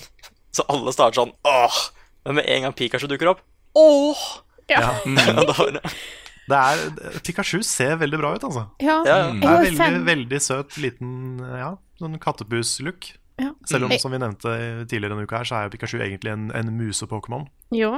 Men ser ut som en pus, og det, er- det er greit. Men jeg, er også, jeg er stor fan av hvordan eh, Altså den, den approachen de har gjort, da. For ofte, hvis du skal ha sånne typer karakterer som kun har vært i spill og sånt, og så setter du inn i virkelig verden, så kan du gjøre det sånn fake-animert greie. Eller så kan de prøve å gjøre det realistisk. Og det er det de har gjort. sånn at Du har endra utseendet på en del av Pokémonene ganske drastisk. Men det funker. For eksempel Charizard, som har fått ordentlig sånn der eh, sånn, jeg håper å si dinosaurskin. Du ser det liksom ordentlig, ikke bare noe sånn glatt greier. Og fuckings Mr. Mime. Jesus Christ, Mr. Mime. Det er noe av det ekleste jeg har sett. du, du, kan, du kan lage liksom Five Nights at Freddy's-film med den Mr. Mimen. Ja. Mm. Ja. Det Premisset her er jo at, uh, at uh, Pokémon er virkelige. Uh, og faren til hovedpersonen var liksom verdens mest kjente og beste Pokémon-trainer. Og han er forsvunnet. Så da Detective Pikachu og sønnen hans skal da jobbe sammen for å finne faren hans. Det var sånn jeg forsto det, i hvert fall. Ok, ja. Det, det jeg likte aller best med den traileren, var uh, den derre det, det å pitche liksom slemme Pokémon mot snille Pokémon. Altså, de, virka, de var så kule, de bad guys-Pokémon i det, den traileren, da, syns jeg. Ja, de Green Jeg elsker- Ja, tenker ikke du sikkert på? Ja. Ja. Jeg elsker at du sier Pokémon. Ja. Det er litt sånn Hva skal jeg kalle det, da? Nei, det Nei, er, det er pepper for at jeg sier Lolbua, så skal jeg få eh, pepper for at jeg sier Pokémon også. Ja. Ja. Ja. Men um, hva, Det er mye riktigere si? det jeg sier, da, enn Pokémon. Det er jo Po- japansk. Pokemon. Ja, men, eh, men i Japan så sier de eh, Pokémon. Ja. Ja. Men, um, nei, men, men en ting jeg også liker, Det er at den faktisk er filmen er satt i en Pokémon-verden. Ja. De, har- de har ikke kjørt en sånn derre Pikachu kommer til vår verden. Til New York, liksom. Ja, ja. Dette er liksom ikke noe Dette er ikke en by i virkeligheten. Dette er en Pokémon-region. Mm. Akkurat sånn som i spilla. Og det også er kult. Og jeg, jeg kan allerede nå se for meg after credit-scenen som, eh, som hinter om Mewtwo i oppfølgeren. Å, shit, ja. Jesus Christ. Så det er, det er liksom ja, Jeg vet knapt hvem Mewtwo er, og jeg fikk gåsehud. Det er akkurat sånn som i slutten av Batman Begins, når du får det Joker-kortet. Mm. Det blir sånn. Ja. Du, Vi har jo benytta anledningen, da. eh, dette usannsynlige ekteskapet mellom ektefilm ekte film og eh, spill, til en idé som du kom opp med, Karl. Ja. Skal jeg pitche ideen? Yes. Gjør det. Ok. Nei, det jeg tenkte, var at vi kunne alle, alle fire eh, presentere en idé. En, en idé til en film basert på et spill. Litt sånn for å feire at Detective Pikachu har blitt en ting. Mm. Så jeg vet ikke om det er noen som har lyst til å begynne? Jeg kan begynne, jeg. Ja, frie tøyler, liksom. Ja, fordi Ja, frie tøyler til hva som helst. Ja, Vi sa at enten så kunne det være et seriøst forslag, eller så kunne det være litt mer tull. Og jeg vet ikke helt hvor jeg endte opp, men jeg, jeg satt og prøvde å finne det ut, og jeg fant ut at alt jeg kom på, var, var liksom basically skrekkfilmer. Så vi kan ta begynne med den ene her, da. Mhm. jeg, har, jeg har skrevet litt sånn plott, skjønner du. Jeg skal ta den ene. Du er en helt vanlig person som lever et helt vanlig liv i huset ditt sammen med familien din. Men det skjer litt rare ting rundt deg. Det føles som at møblene i huset ditt flytter på seg. Ingen kan huske å ha kjøpt det nye bildet på veggen. I tillegg får du ofte en veldig sær trong til å gjøre spesifikke ting, som å fortelle naboen din 50 vitser etter hverandre, eller sitte og male i 12 timer i strekk når du egentlig har lyst til å spise middag. Og plutselig begynner folk å dø rundt deg. Først er det pizzabudet, så er det naboen, og alle har på mystisk vis dødd i svømmebassenget. Du er en sim. Og jeg vet ikke hvor det skal gå herfra, men jeg ser for meg en eller annen sånn derre at folk begynner å liksom opp liksom innse at det er noen som styrer de, og så må de prøve å bryte ut av dette her, og jeg vet ikke om det ender godt, men Er Truman Show. Det Ja. her er et Ja, bra, det er bra pitch, eh, Frida. Takk. Ja, ja for det, det kan, bli, kan bli ganske ekkelt. Når liksom Hvordan vet jeg at tankene mine er mine tanker? mm, Det er creepy. Mm. Du kan nesten lage litt sånn der Lovecraft igjen, at det er en eller annen sånn skapning som ikke du ser, men du vet at den er der, som styrer hva du gjør. Mm. Åh. Nei, den Det likte bra. jeg, Frida. Den var veldig bra. Ja, jeg vet ikke om vi skulle gjøre det. Jeg tenkte, vi, tenkte også som en del av pitchen at vi skulle gi thumbs up eller thumbs down. ja. Skal vi, skal vi gjøre det òg? Ja, Yes. thumbs up. Ja, thumbs up fra meg òg. Jeg ga også en thumbs up. Nice. Mm. Nice. Det var jo, Tri eh, trippel thumbs up, Frida. Du fikk trippel thumbs up. Oh, Nettopp. shit, det er, Bra score. Det er stor dag for meg i dag. Det var den legendariske filmanmelderen eh, Roger Ebert som eh, revolusjonerte thumbs up. Det var Siskel og Ebert. De hadde hver sin tommel ikke sant? Ja. når de anmeldte filmer. Ja, det, var, det, det var sånn kul sånn. ting. De hadde sånn talkshow de om film. Ja, det stemmer. De revolusjonerte liksom filmanmeldelser. Ja, Han har jo også holdt på siden 60-tallet, tror jeg. Ja, Eh, ja, det er jo langt tilbake. mm. Yes, hvem har lyst til å fortsette? Nei, eh, jeg, kan, jeg, jeg har to, da. Ja, kjør på. Ja, ok. Ok, jeg kan ta en Der, der jeg har tenkt litt sånn som de har tenkt i Detective Pikachu. Å ta noe som er velkjent, men sette det i en litt ny kontekst. Så da tenker jeg da at det er en familie som bor i London. Det er en mamma og en liten jente. Og det begynner litt sånn som starten av Up. At det liksom de, du ser en sånn montasje at de har det koselig, og de leker sammen og bygger med, med byggeklosser og, og sånne ting. Men så, etter hvert, så begynner man å legge merke til at mammaen er sjuk. Og, eh, og så ser du noen sånne shots da, av liksom leger som er bekymra, og så er det noen sånne menn i dress som rister på huet og bare 'Nei, du får ikke noe penger av oss'. Til å liksom eh, bekjempe sykdommen. Og så eh, havner mammaen på sykehus. Men da er den lille jenta aleine hjemme litt. grann. og så detter hatten til mammaen ned fra kleshengeren. Og den er en veldig sånn svær lilla eh, flosshatt. Og så tar hun den hatten på seg, og så er det en magisk hatt. Og plutselig så er den lille jenta i et romskip, som også er en tidsmaskin, og reiser rundt i verden. Og da må hun samle tre sånne magiske timeglass for å få tidsmaskinen til å fungere. For å kunne gå tilbake i tid og kanskje redde mammaen. Og det, det må jo være en eller annen medisin her òg, for at det skal gi mening. Ja. Men, men det, det, det, så langt er jeg ikke kommet. Dette er sånn første utkast. Mm. Og så kommer det litt fram, Fordi for vi må jo blant, blant annet til, til Mafia Town Ja. for å, for, for å uh, finne et timeglass som mafiaen har tatt. Og de mafiafolka de ser litt ut som de der mennene i dress som nekta å gi mammaen penger. Og, eh, og så må vi til en, eh, til en sånn spøkelse og masse sånne gjenferd, og de spøkelsene ser litt kjent ut. Og det er noe som er litt sånn rart. Men det går bra til slutt, Hun klarer å redde mammaen sin og møte mammaen sin. Og så, på slutten av filmen, så fader det til en liten kafé der hvor hun plutselig har blitt voksen, lille jenta. Har fortsatt på seg hatten. Sitter og drikker kaffe og ser litt sånn nostalgisk og smiler ut vinduet. Og så stopper filmen. Så kan man tenke liksom Skjedde det på ordentlig? Eller var dette her en sånn der måte å cope på? Var det en Ja. ja. Mm. Jeg har ikke spilt spillet, men det får en thumbs up av meg likevel. eh. Thumbs up eh, fra meg òg. Dette her, Vet du hva du minte meg litt om? Det minte meg litt om Jumanji-filmen. Som også ah, ja. er sånn der, litt sånn usannsynlig kobling mellom uh, spill og film. Hvor man på en måte kommer inn i verden, og så skal vi gjøre Mhm. noe. Alt er liksom relevant for det som skjer i virkeligheten også. Ja, for, for det jeg tenkte var at dette kunne kanskje være en animert film. Og kanskje en familiefilm. Ja. Og liksom barna som ser filmen, de kommer bare til å tenke at det gikk bra. Mm. Men de voksne kan kanskje tenke liksom, ok, var dette her en sånn symbolsk ting, eller var det en ekte ting? da? Mm. Det er kanskje ikke barna catcher, ikke sant? Så det er en film som skal være for alle. Ja, ja du, du får en thumbs up av meg òg. Å, takk. Da ble det trippel thumbs up på meg òg. Ok, da. Tør å gi den første thumbs downen? Ja, det er spørsmålet nå. Men jeg har, jeg har en pitch til, da. OK.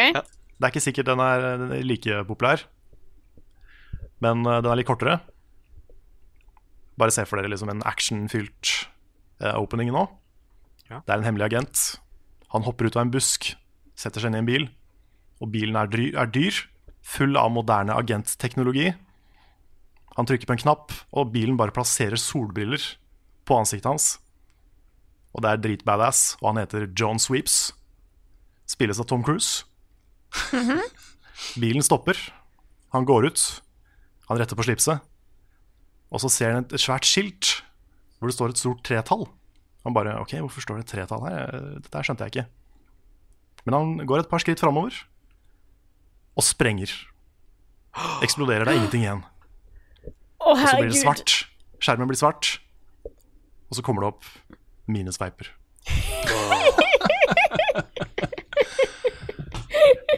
Jeg ser ikke for meg det som en ordentlig film, eh, Carl. Så jeg gir det thumbs down. Jeg, Ja, jeg ja, likte det. ideen. Det var morsomt. Ja, det, dette er starten, da. Jeg vet ikke hva som skjer etter det her. Dette er det, Ja. bare the opening. Det er litt sånn som for jeg hørte om. underutvikla. Kom tilbake når du har en mer utvikla idé, Carl. Ja, Ja. jeg skal, jeg skal prøve på det. Jeg, jeg, eh, jeg føler For det skulle jo Det kom vel ut en sånn uh, Battleships uh, Ja. film en gang. Jeg får litt samme følelsen. Jeg vet ikke om det er en film jeg vil se. Det må, det må pitches litt bedre. Jeg, jeg vil se litt mer hva som skjer etterpå, hva, hva, hva som er plottet her. Så eh, Ja, for jeg, jeg tenkte i motsetning til Battleship, da, ja. så er dette her en litt sånn tongue in cheek-film. Den skal være litt morsom, ikke, ikke sånn alvorlig. OK. Fordi de prøvde å lage en eh, krigsfilm om Battleship. Ja da. Ja. Men det har jeg ikke lyst til å gjøre med, med Minesweeper eller Minesweeper Men da får du en, en, en, så, en så langt en eh, sidelengs tommel for meg. ja, okay, okay. Jeg, jeg gir en thumbs up hvis karakteren overlever hver gang han eksploderer. Ja, kanskje han, kan komme, han Ja! kommer tilbake. Han begynner Ja. på samme sted. Det blir sånn der Edge of Tomorrow. Ja, for det- Ja, fordi der kan du lage artige historier, Altså. Ja, Ja, så hvis du kan eh, bekrefte det, så kan jeg gi deg en thumbs up og backe filmen din. jeg kan, jeg kan bekrefte det. Ja, okay. Jeg, gjør, jeg gjør det for finansieringa, Annik. Ja, you got yourself yourself a thumbs up. Thank you. Thank you. OK, nestemann. Hva er neste film ut? Nick, har du lyst til å fortsette? Ja, eh, for jeg har jo ja, Jeg har jo én cash crab og to alvorlige ish. Og den første, da, er at det, det er satt i en litt sånn I en litt sånn dystopian future. Veldig lik vår egen, egentlig. Hvor vi sender alle drittunga til en øy. Ja. Ja. Ja, Er det I Fortnite? This is going. Men det som er, da, er at når vi kaster dem ut av den bussen, så havner de på øya til John Wick. Oi. Ja. Han er også i Fortnite, for det er en Fortnite-film. Det, det er helt riktig. Og jeg er, nødt til å, jeg er nødt til å fikse på et par ting, så det ikke blir en plagiarism og litt sånn andre filmer. men, men greia er jo det at eh, vinneren er jo den som overlever. Men eh, John Wick er jo bare der for å slappe av, ikke sant? Ja. Og da starter det, og en av de kidsa som havner der, siden han eller hun er slem, så dreper jo han eller hun hunden til John Wick, da. Å nei. Er det Ja. noe man ikke skal gjøre, så er det det, altså. Ja, og det som er at jeg har jo lagd eh, to endings hvor eh, den ene ungen som starta som en skikkelig dritt, faktisk blir en good guy til slutt. Eller en good gal. Eller så vinner John Wick og får seg en ny hund. Ja. Og så slutter vi med at det, det dukker opp en John Wick dreper alle barna-film. Ja, men de er slemme, ikke sant? Så jeg, jeg tror Ja, ja. ingen kommer til å ha noe imot det. Nei, det er sånn Chucky Kids, liksom. Ja.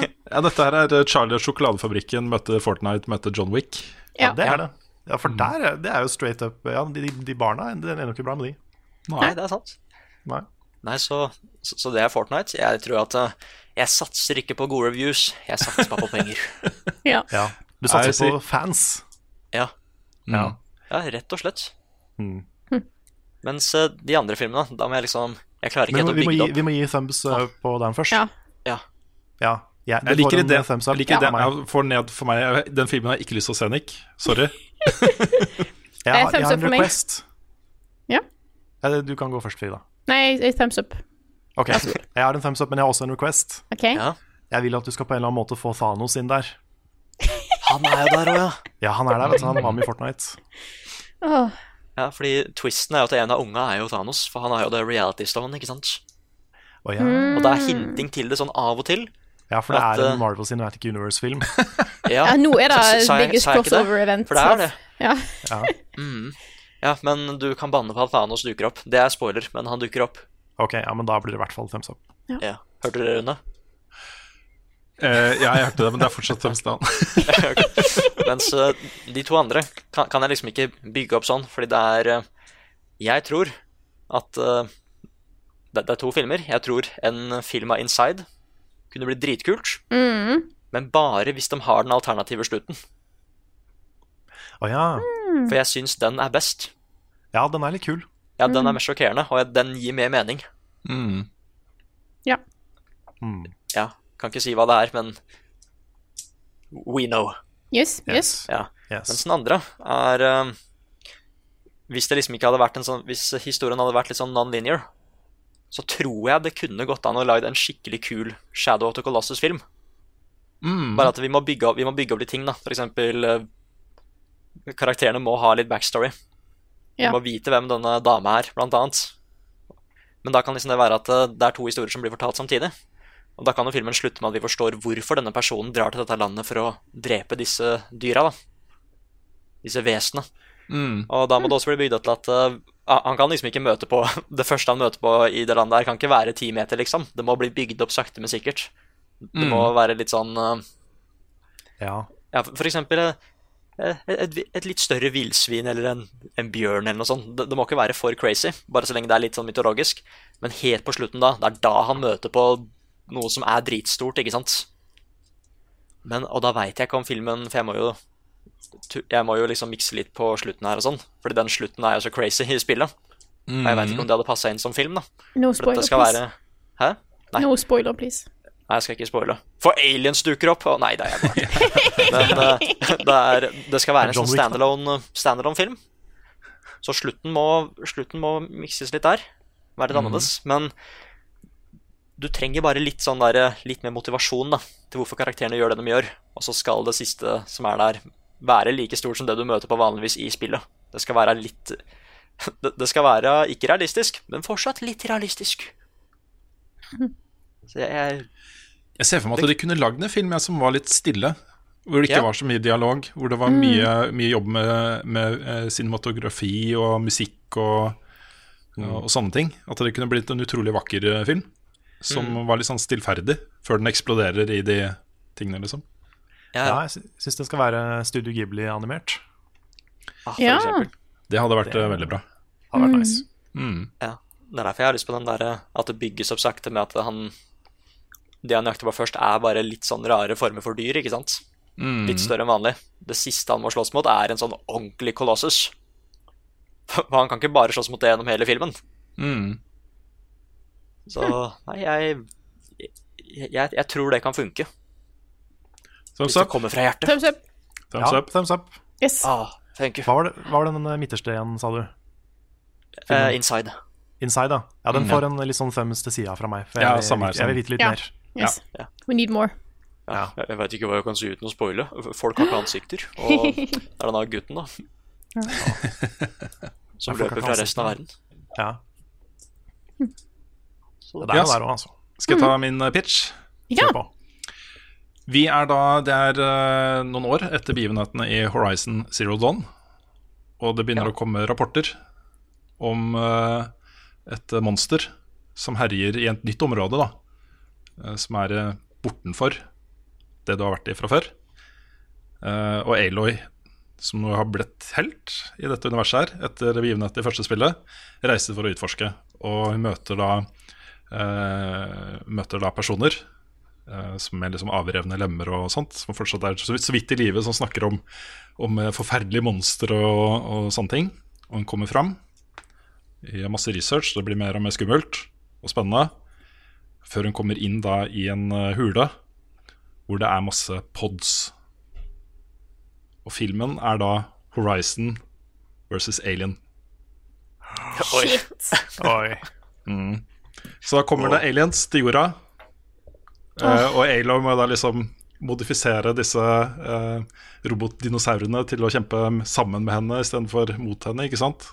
Du vet, Hvis det ikke var aliens, hvis det var Predator isteden Jo, men det kunne- poenget er at jeg skulle fortsette. Aloy versus Predator. Ja, men det er, det er neste film. Det er oppfølgeren. Oh, ja, okay. Det er det Horizon versus Alien versus Predator. Ikke sant? Ja. Mm. Nice. du burde kalle den Aloy versus Predator. Ja, kanskje det. Mm. Ja. Horizon Zero Dawn versus Predator. Jeg tror det hadde vært et fett spill, også, Hvor du har liksom den herre uh, framtidsdystopiet, eh, uh, ting har gått til helvete med jorda. Uh, men alt er veldig sånn jordbruk og jobbe med hendene og, og, sånt. Det er bare noen rester fra den gamle sivilisasjonen. Så kommer det sant, du, sa, du, sa, at det hadde sikkert blitt et fett spill, men nå var det jo film vi ja, skulle pitche her, Rune. Film, film, film, film, film, film, film, Kunne vært et bra spill også. en tie-in. mm. Horizon Alright. versus Alien.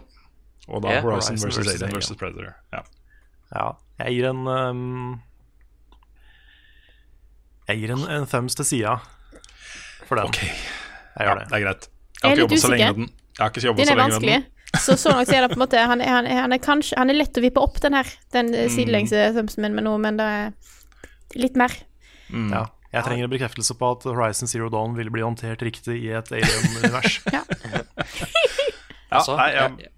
jeg, jeg, jeg veit ikke om Predator, men jeg hadde gitt Alien eh, thumbs up. Ja, altså. Mm. Jeg, jeg kan se for meg hvor Jeg kan se for meg hvor crazy det kan bli. Da Mm. Da har vi akkurat slitt med maskiner og sånn, og så dukker det her opp. Ikke sant? Og hvorfor var de der på jorda? ikke sant? Har det vært der hele tiden? Mm, Eller er det faktisk fra, fra space? Machines were only the beginning. Mm. Og så må da Aloy ikke sant, må grave ned i, i uh, verdens undergang, altså det som skjedde da menneskeheten gikk under, for å ta i bruk da den teknologien som var med på å utslette menneskeheten for å kjempe mot en ny trussel, ikke sant. Ja, ja, ja. Da er jeg med. Da er det thumbs up. Yes. ja dette kan Nice. funke. Ja, jeg kom på ti minutter før vi skulle ta opptak. Så, Herlig. yes. Skal vi ta litt flere nyheter? Det ble en lang og rar nyhetsspalte, dette her, men det er episode 200. 200, yeah. 200. Men tenk så mange filmer dere har å glede dere til nå. Ja, ikke sant? Så det er masse nyheter. Alt dette blir jo lagd, Ja, ja. selvfølgelig. Of course. Det var jo et uh, Inside Xbox-event i helgen, hvor det kom en massevis av nyheter eh, om, uh, om og fra Microsoft. Det ble da bl.a. kjent at de nå kjøper opp uh, Obsidian og InXile 2 Hardcore, uh, indie PC-utviklere. Så det begynner å bli en ganske stor familie med nye selskaper som skal lage spill for, eh, for da Xbox og PC, eller Windows 10, da, som det blir. Mm. Så Det er sånn, dette er sånne ting som Det er sånn nyheter som kan føre til at de får en veldig bra pressekonferanse etter hvert.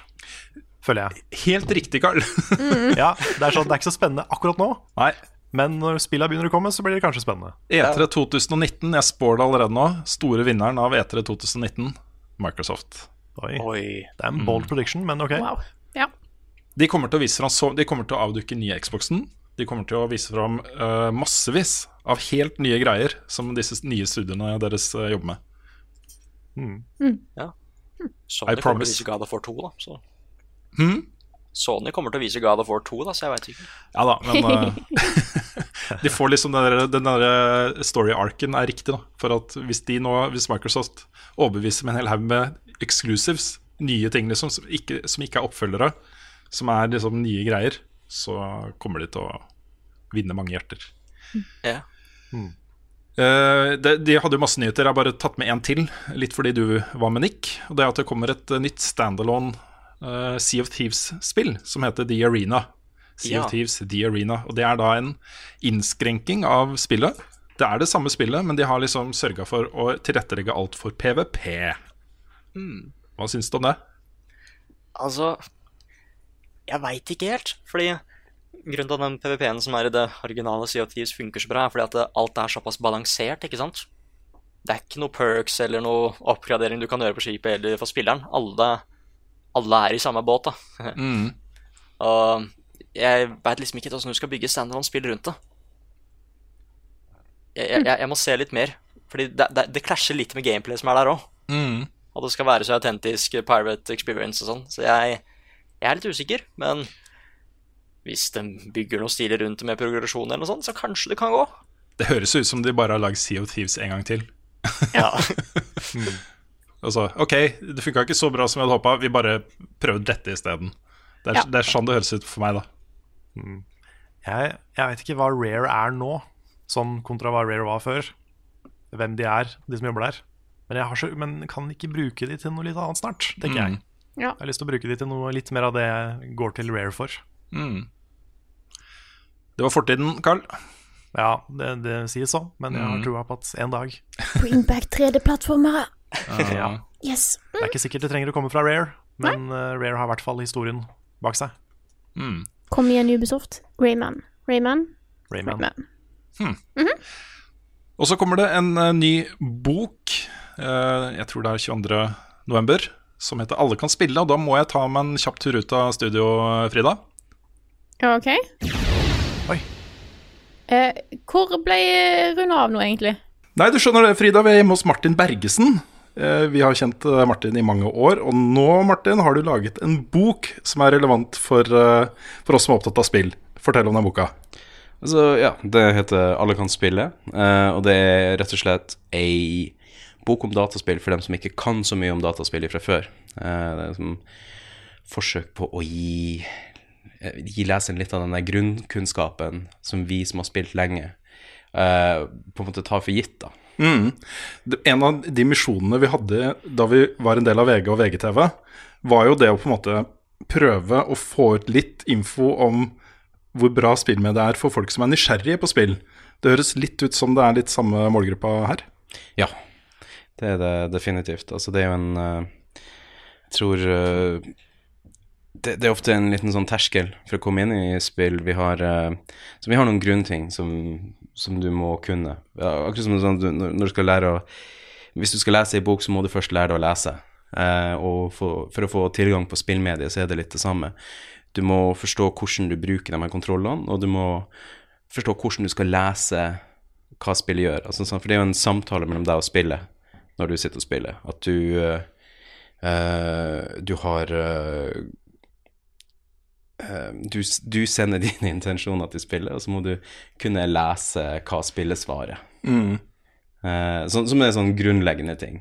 Uh, så må jeg jobbe en del med i, uh, Boka mi er delt i to. Så Den første delen handler om å lese ulike spillsjangre og kontrollere dem. Og så handler andre del mer om litt sånn dypere forståelse av spillmediet. Hva er det som skjer? Hva er, hva er spillmekanikker? Um, hvordan fungerer en spillfortelling? Uh, det går inn i e-sport også, som jeg Mhm. ikke sånn personlig har så sterkt forhold til, da. Så det, det var også veldig interessant for meg, fordi uh, da måtte jeg faktisk gå inn og prøve å forstå hva som er kult med e-sport.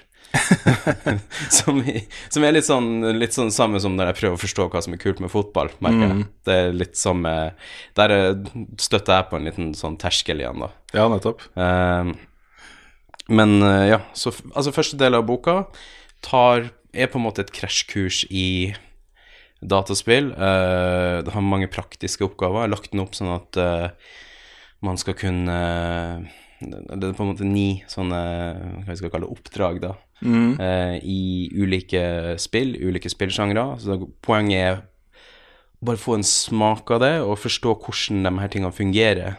Det, det, sier, altså det er på en måte det å lære å spille, men det er ikke å bli flink i spill. Mm. For da må, må man sitte en del lenger. Ja, det må man. Det er aktiv deltakelse som eh, må til der. Mm. Men det er jo utrolig mange av våre lyttere og seere eh, opp gjennom åra som har stilt det spørsmålet hvordan skal jeg få liksom foreldrene mine eller kjæresten min eller øh, noen i, nære, nære kretsen da, til å forstå at det jeg holder på med har verdi og er viktig. Eh, jeg tenker at dette her kan jo være en sånn her typisk fin julegave, da. Det er jo rett før jul og Mm. lanseres 22.11., ikke sant? Ja.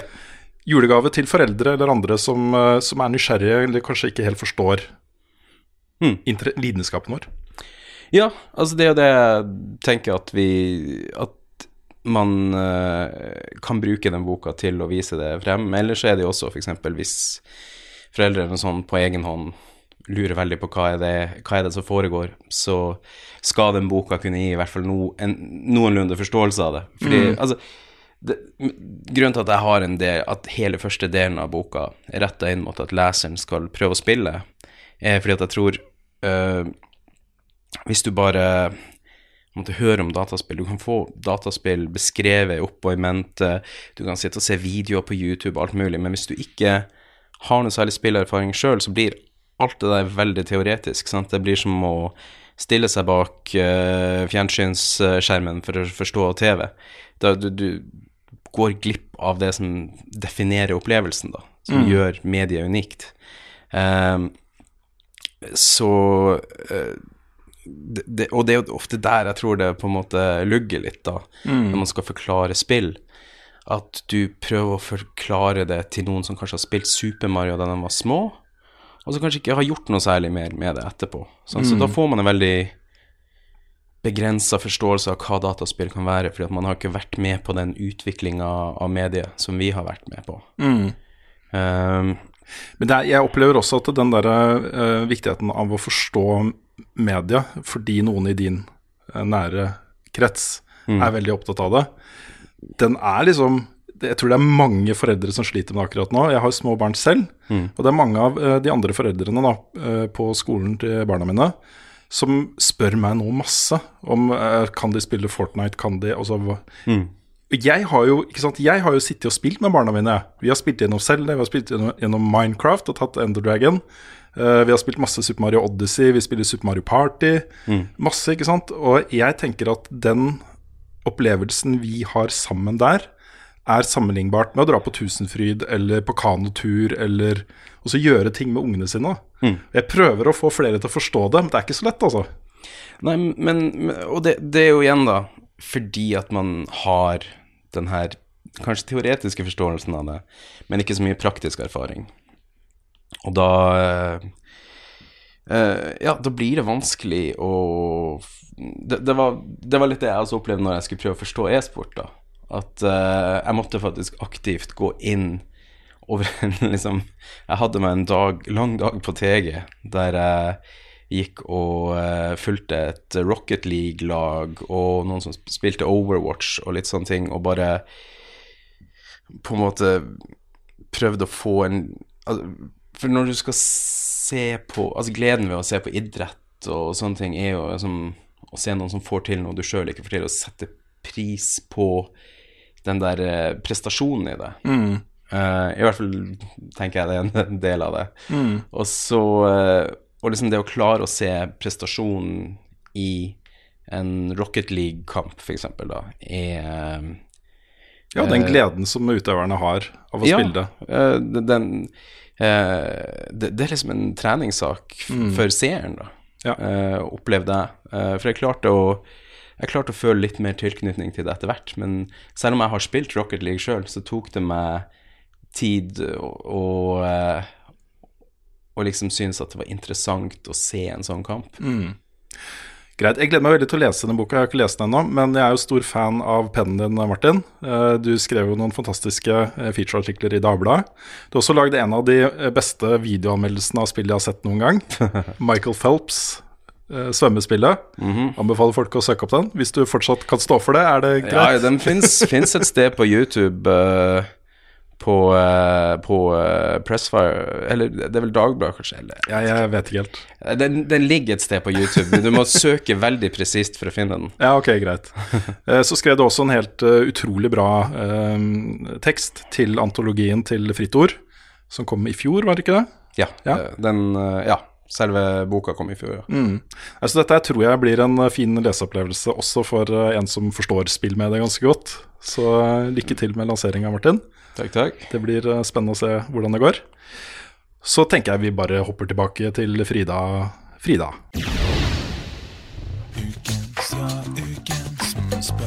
Kommer Ruen sin standup på DVD, eller? Kan jeg selger et guttenavn? Hva er det verste karet sitt? Hvilket språk snakker Frida egentlig? Hvorfor er Mario rørlegger? Tenk så heldige vi er som har så flinke lyttere som lager alle disse flotte vignettene for oss. Jeg måtte bare si det en gang til, for jeg syns Ja, de det er helt konge. Det er Yes. Så vi da så hopper vi videre til første spørsmål i dag, og det har vi òg eh, forberedt oss litt, grann, tror jeg. Jeg har i hvert fall gjort det. Det er fra Henrik Nygaard, som skriver Gratulerer med podkast nummer 200. Hva er deres beste podkastminne? Mm. Hva kan vi huske best av hva som har skjedd i podkasten? Er det kanskje en egen episode dere husker best, eller er det spesifikke ting? Moments? Vi har jo Ja, lagd podkaster litt her og der, liksom. Det er kanskje de morsomste har vært når vi har vært on location og lagd ting, eh, Karl. Ja, eh, ja mange, mange av de har vært eh, de beste, som da vi har vært på DSUKON og Expoer og Mm. Jeg husker ikke om vi lagde noen podcaster i USA? Har vi gjort det? Jeg mener å huske at du gjorde det også, men det kan jeg huske feil, altså. Ja, det husker jeg ikke. Men jeg husker i hvert fall at vi har sånne E3-recaps har vært veldig bra, for da har vi hatt så mye å prate om. Mm. Så det har vært morsomme episoder. Men uh, jeg vil gjerne trekke fram én, da. Og det var den aller siste episoden av Level Upcast, som vi spilte inn på hytta til Jon Cato. Ja, og den var Da så vi- koselig. Da vi oppriktig ikke trodde at det skulle være flere podcaster. Mhm. Vi visste ikke om vi fikk lov å jobbe med spill lenger. Så det var en, det var en spesiell episode å lage. Men eh, jeg husker, jeg husker hele den turen og den podcasten som veldig sånn koselig. Mm. Det er jo derfor den podkasten her heter Level Backup også, ikke Level Upcast. Når, når jeg Mm. tenker meg om tre år senere, så skulle jeg egentlig ønske at vi bare fortsatte å kalle den Level Upcast, for å være helt ærlig. Ja. Uh, for det ble en sånn Too late. greie. Ikke sant? Det ble en sånn greie. Ok, etter et par måneder så var vi tilbake igjen, så backup, hvis det var en veldig god, god idé. Seemed like a Mm. good idea at the time. It did. Så Ja, ja. jeg, egentlig så syns jeg kanskje podkasten bare burde hete Level Up Podcast, for å være helt ærlig. Gå At vi tilbake til naila- start, Vi naila det i liksom. første episode. ikke sant? Åh. Nei, det er ikke enkelt. Nei, ikke det. Nei, men det var en eh, flott episode. Jeg husker også veldig godt den perioden hvor vi spilte inn i studio på VG, Karl. For da var Ja. liksom VG Plutselig skulle VG satse på podkast. Vi var jo en av de første i VG som lagde podkast. Om ikke ja, Var vi de første? Jeg husker ikke. Jeg husker ikke. Nei, vi er i hvert fall blant de første. Blant de første, ja. Så etter hvert da, så kom det inn flere, og så bestemte de seg Ok, nå er podkast et eget satsingsområde for VG, og det bygde et studio med eh, Magne, da, som satt og styrte spakene og gjorde etterarbeid og, og sånne ting. Og kvalitetsmessig ble det jo kjempeløft, ikke sant? Fra første episode. Jeg likte Magne. Ja, samme Jeg hadde lyst, jeg hadde lyst til å liksom gjøre Magne til en sånn del av podkasten. Sånn at han liksom var på sida der og svarte på ting, og vi kunne liksom tulle litt med Magne og sånn. Mm. Han er en utrolig fin fyr. Kanskje vi skal ansette Ja, han hvis vi får nok penger. Ja, Hvis vi får masse penger, så bare skaffer vi Magne som en sånn Mm. podkastmann. Ja. Jeg eh, har lyst til å En av tingene jeg har skrevet ned her, eh, jeg har lyst til å bare trekke inn Magne her, for jeg husker dere var så fornøyd da dere skulle ha meg som gjest i podkasten rett etter at jeg ble ansatt. For da kunne Magne bruke muligheten til å ta opp ting direkte fra telefonen. Ja, han hadde ha spurt om det mange uker på rad. Ja. Bare ja, 'Har dere noen innringergjester, eller? Jeg har lyst til å prøve den'.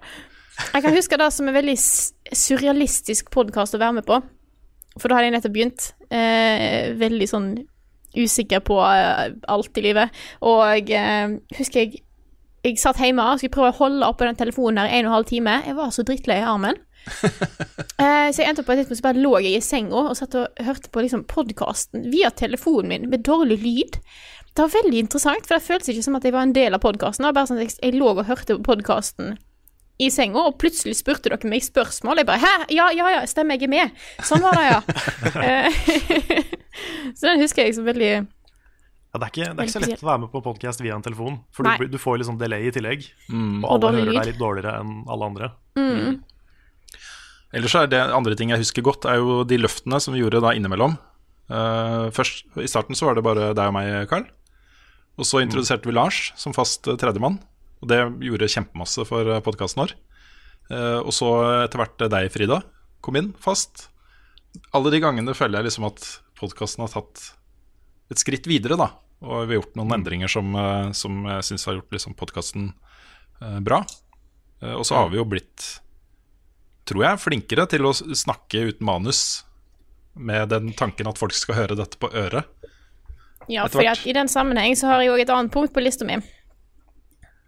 Her står det 'gutta folkens'. Ja. Ja. Fordi at det har jo blitt litt sånn For tydeligvis er ikke jeg så flink til å snakke uten manus, har jeg funnet ut. Jo da, Eh, det er du. Jo da, det det går. Det går greit. Jeg har blitt bedre på det. Jeg har bare en til det som blanda litt setninger og litt sånt. Eh, da endte jeg opp med et uttrykk som har satt seg ganske bra. Og jeg syns egentlig det er litt festlig å ha en en ja. meme. Det er, jeg syns det er litt gøy. Det er litt kult at nå går folk rundt i Norge med gutta folkens lur. Ikke sant? Ja, men Men det kommer jo sikkert en noe offisiell merch uh, etter hvert også. Håper det. Mm. Men jeg har et ord til her, så jeg må bare eh, få sagt, for jeg har liksom to ord på lista mi. En av guttefolkens, den det andre er triologi. Triologi. Triologi, Ja, Å, jeg husker den sagaen der, altså. Ja. Men den derre O-en har jeg oppdaga sånn litt i etterhånd. Det er lett at den, eh, at den eh, slenger seg med, på en måte, uten at du mener Ja. å si den. Ja, fordi det har jeg tenkt på hver gang vi har sagt trilogi, Ja. at det er en O der. Uansett hvem av oss som sier det. Ja. Så jeg hører den O-en. Den skal ikke være det- Nei, jeg bare Nei. husker det tidspunktet at du plutselig Du, du begynte liksom bare å rope, og du var så sint. Ja. Jeg bare sånn eh, går, går det bra? Det var Rune?» sånn objection! Ja.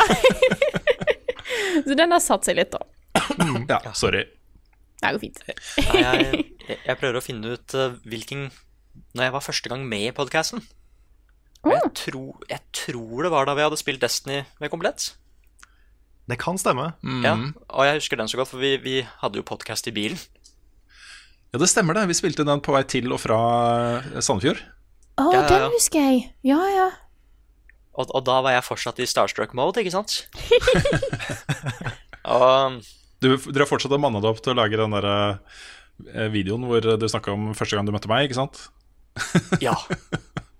Øh, Livredd det, for det at var skulle faktisk, ta men, opp men jeg kan si at det, det er jo egentlig ikke tull heller. For det har vært en sånn der frykt med at faen, hvis han husker meg Og han, og han liksom assosierer assosierer meg med en som ikke har levert ting på deadline og sånn. Nei, det, det passer ikke bra til jobben min nå, altså. altså. Jeg husker den veldig godt. Men favorittpodkast-episoden min, den var jeg ikke med i. Men det er eh, sesong fem, episode to. OK. 10 minutter og 23 sekunder inn. Det er mitt Oi. favorite podcast moment. Ok. Hva skjer der? Åh, nei, nå blir jeg sånn emotional. Eh, fordi det som var, da, var at eh, vi hadde sånn bestemt oppsett på ting når vi lagde innslag og sånn til VG. At det ikke skulle være for langt av sånne ting. Vi fikk ikke lov til å si nøyaktig Vi, vi fikk ikke banne, ikke sant. Det var også en ting. Og da husker jeg at jeg var veldig sånn nervøs med å lage min første anmeldelse av Mad Max. Men, men det gikk sånn ok og sånn. Men da vi gikk inn i, så visste jeg ikke åssen jeg skulle gjøre det, for nå hadde, jeg, nå hadde vi ikke bestemt oppsett på ting. Vi kunne lage hva vi ville. da. Så det første vi lagde, da var at jeg og eh, Lars lagde en sånn dobbeltanmeldelse av eh, Firewatch.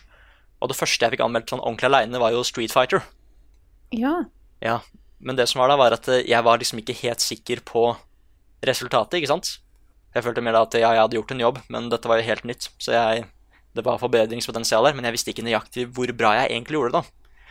Og i den episoden der, da, 10 minutter og 23 sekunder inn, så sier dere at jeg var flink. Oi. At jeg hadde blitt uh, Nei, men dere sa liksom at uh, Dere, dere sa at uh, Dere, dere snakka om et eller annet. Dere hadde snakka litt om anmeldelse først, men da tror jeg en, det var enten Rune eller Carl. Jeg tror det var Rune som da sa at eh, jeg må bare gå tilbake til Nick, for han har blitt veldig flink. Og da sa Carl det at ja, han har blitt kjempeflink. Og det sa Lars òg, og det var da jeg liksom skjønte at eh, yeah, jeg, jeg I did good. Ja, det gjorde du, Nick, og det gjør du. You did good. Ja, Yes. Så da bare Mhm. holdt jeg på det. Så da har jeg det klippet i bakhuet hele tiden, ikke sant? Så da går jeg inn dit og bare, ja Jeg, jeg fikk til det der, ikke sant? Så da bare Ja, gjør jeg det igjen. Mm, så det er min motivational episode. Nice. Da ble jeg litt Nice. rørt her også. Det var hyggelig, Hyggelig, Nick. Ja, ja det, det må du ikke tvile på, Nick. Du, er, eh, du, du har blitt dritflink. Mm. Mm. Ikke at ikke du var det i starten, men du har blitt enda flinkere. Ja, ja. Du har, Det er sånn, jeg klarer ikke å se de første anmeldelsene jeg lagde. Nei, jeg klarer ikke å se de første episodene jeg var med i. Eh, ikke sjans. Nei, jeg, hvis vi hører de første podkastene, så var sikkert ikke de så megabra heller, eh, tror jeg. Nei, det, det var ikke så ille som jeg var redd for. Ok.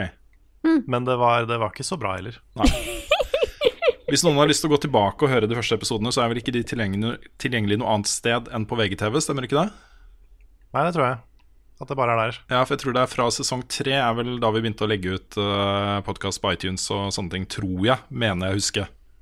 Mm. Så alt før det ligger da eh, Tror jeg bare på VGTV. Ja, det tror jeg stemmer. Mm. Uh, jeg har et spørsmål som er litt sånn relatert.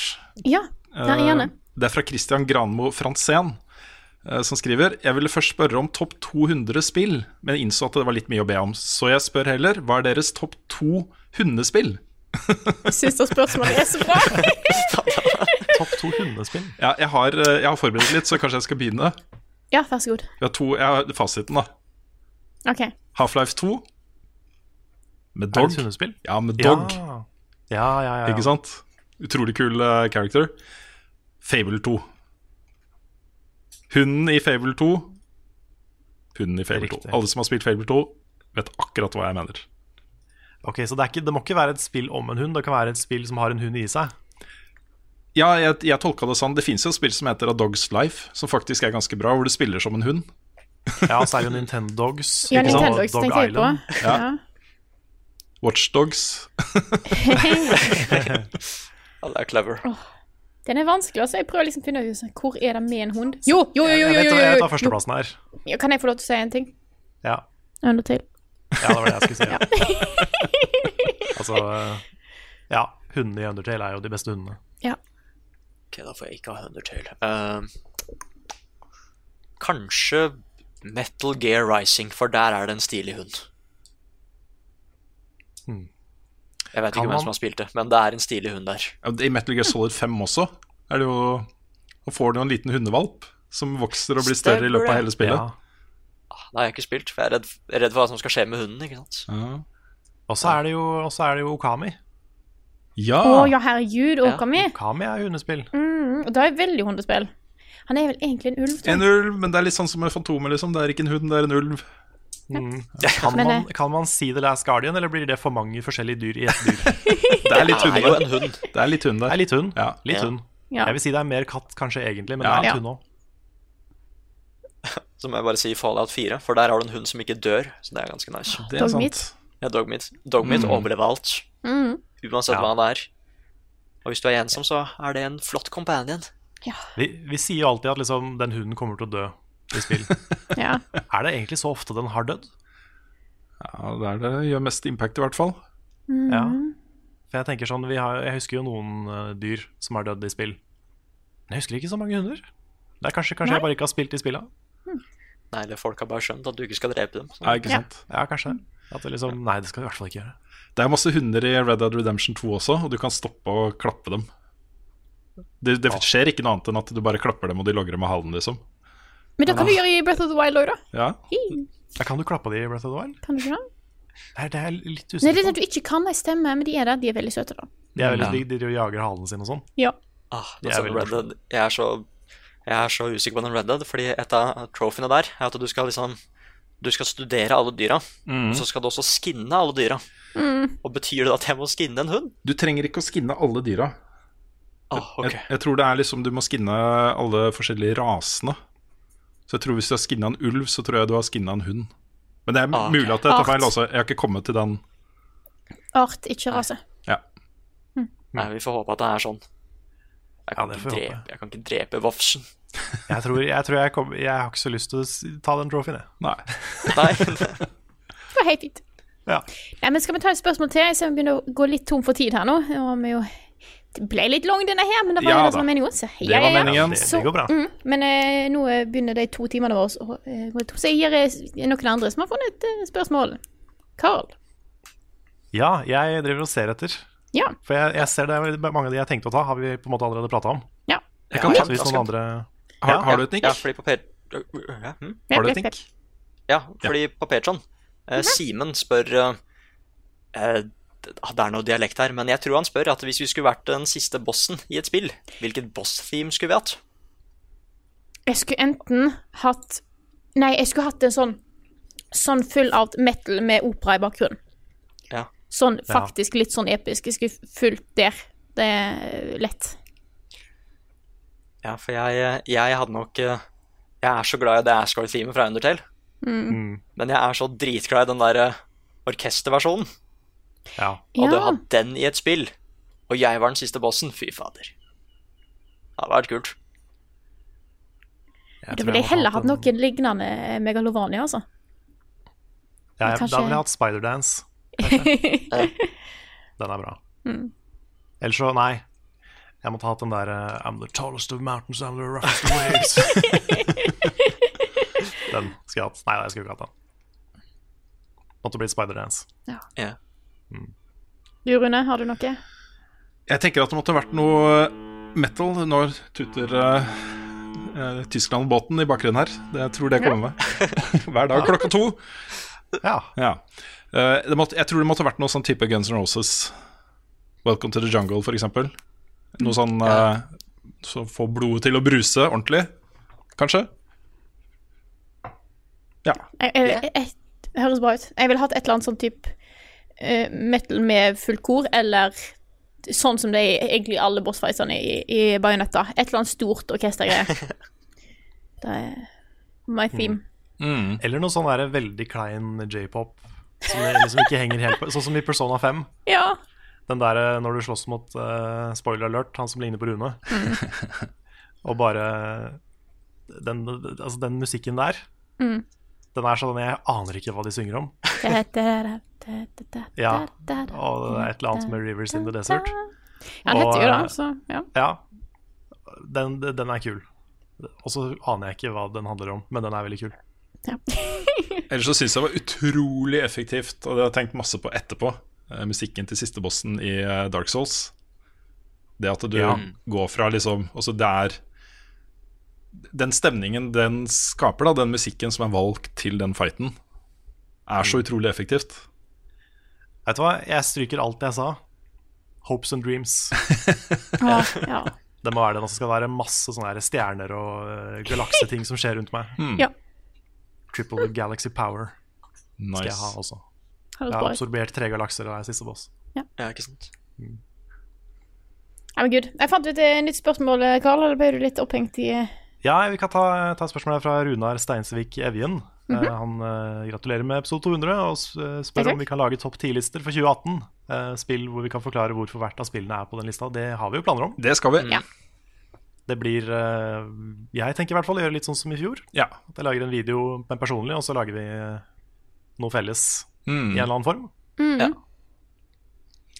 Så det, det kommer. Ja. Pluss noe felles. Et eller annet. Something, something. Ja da. Det får vi til. Mm.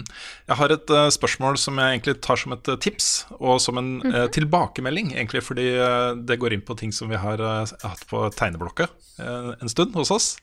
Det er fra Martin Mellum, som lurer på om vi kunne lagd førsteinntrykk av spill dere ellers ikke får tid til å anmelde, som en slags minianmeldelse, kanskje uten karakter.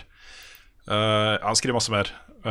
Det det handler om der, er jo å finne et eller annet format som gjør det mulig for oss å mene noe om spill uten å komme med en full anmeldelse. For vi er jo veldig opptatt av å komme med en god begrunnelse, og en god begrunnelse får man som regel ikke før man har liksom fullført storyen eller spilt det nok til å kjenne det godt. Og så, eh, derfor så tar ofte anmeldelsene våre ganske lang tid. da.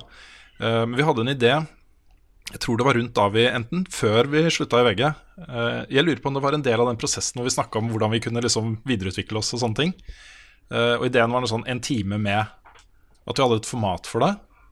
eh, som eh, Formatet var at vi spilte det én time, og så sa hva vi syntes. Og så kom, ikke noe mer, liksom. Kanskje noen av det Mm. ville bli en full anmeldelse hvis vi syntes det var verdt det, men uh, bare mulighet til å lage noe kort. Vi hadde også en idé om sånn 30 sekunders anmeldelser til Instagram og Snapchat. så det er masse sånne ting vi kunne ha gjort, da. Ja, jeg tror For at det skulle fungert for min del, så måtte jeg satt noen regler om liksom hvor lite produsert det skulle være. Mm. Ja, for jeg er redd jeg hadde stått og brukt veldig lang tid på klipping. Ja, det er akkurat det. Og det er det Mm. som tar mest, kanskje ikke mest, men veldig mye tid med anmeldelser. Det er det Ja. å finne riktig klipp. Og Mm. uansett hvor kort det er, så er det liksom den prosessen med å lage en video, spille inn lyd, alt det der er ganske lang. Jeg tror Så, du kunne gjort det ganske muntlig.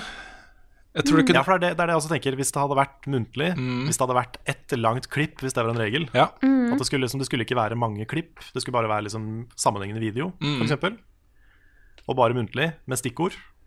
Og lagt ut det, litt sånn ufiltrert og uredigert. Mm. Det kunne gått. Mm. Fordi så fort det blir mer produsert enn det, så kan man like gjerne lage en anmeldelse. Mm. Men eh, jeg tror det hadde vært mulig, sånn som vi spiller Fallout 76 nå, så spiller vi bare og babler i vei, liksom. For det meste om Mm. Red Dead Redemption 2, må jeg innrømme, så langt. ja, det mye det. Eh, men eh, men eh, da bare kommer jeg til å ta liksom highlights, noen klipp her og der, artige ting som skjer. Og så må vi bare prøve. Det ville vært det samme i det formatet her. Da. Prøve innimellom. Og sette spillet litt i sammenheng og komme med noen betraktninger om hva vi liker og ikke liker, og hvorfor. ikke sant? Sånn at man kan bruke det som egne Ja. klipp. Ja. Jeg tror eh, nå at eh, kanskje det er på tide å runde litt av her. for Men jeg har det så gøy, Frida! Jeg vet det, men jeg holder på å bli kastet ut av rommet, så det er veldig på tide at eh, vi runder av her nå. Ja, det kan være. 13. desember, vi det. juleshow, Edderkoppen. Søk det opp på Ticketmaster. Det kommer til å bli insane bra. Julestemning all the way. Ja. Så eh, bli med. Jeg tror det blir kjempekos. Eh, så får vi egentlig takke for eh, at du hørte på denne episoden her av vår fantastiske podkast, som nå fyller 200. Hei. Yay. Kan si det sånn. Hell Så, yeah. så takk til Nick som var med, takk til Lars som var med. Takk til alle som støtter oss på Patron, som har gjort det mulig at vi kan komme så langt. Verdens beste folk. Så, Verdens beste folk. Så- Og så og kan, jeg, kan jeg si en siste ting? yes. Jeg, for jeg må bare komme med en, eh, en veldig sånn tung beklagelse, en unnskyldning, for at jeg, eh, jeg kasta penn på The Quiet Man. Der kom den, der kom den. Yes. Mm.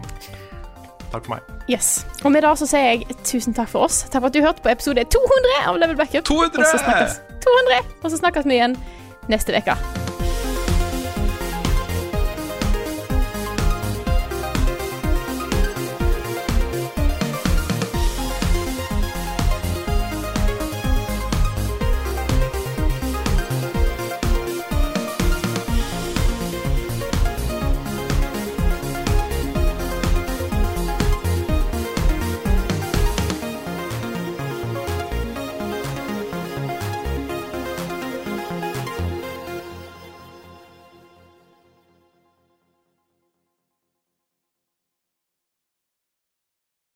Har du et enkeltpersonforetak eller en liten bedrift? Da er du sikkert lei av å høre meg snakke om hvor enkelt det er med kvitteringer og bilag i fiken, så vi eh, gir oss her, vi. Fordi vi liker enkelt. Fiken superenkelt regnskap.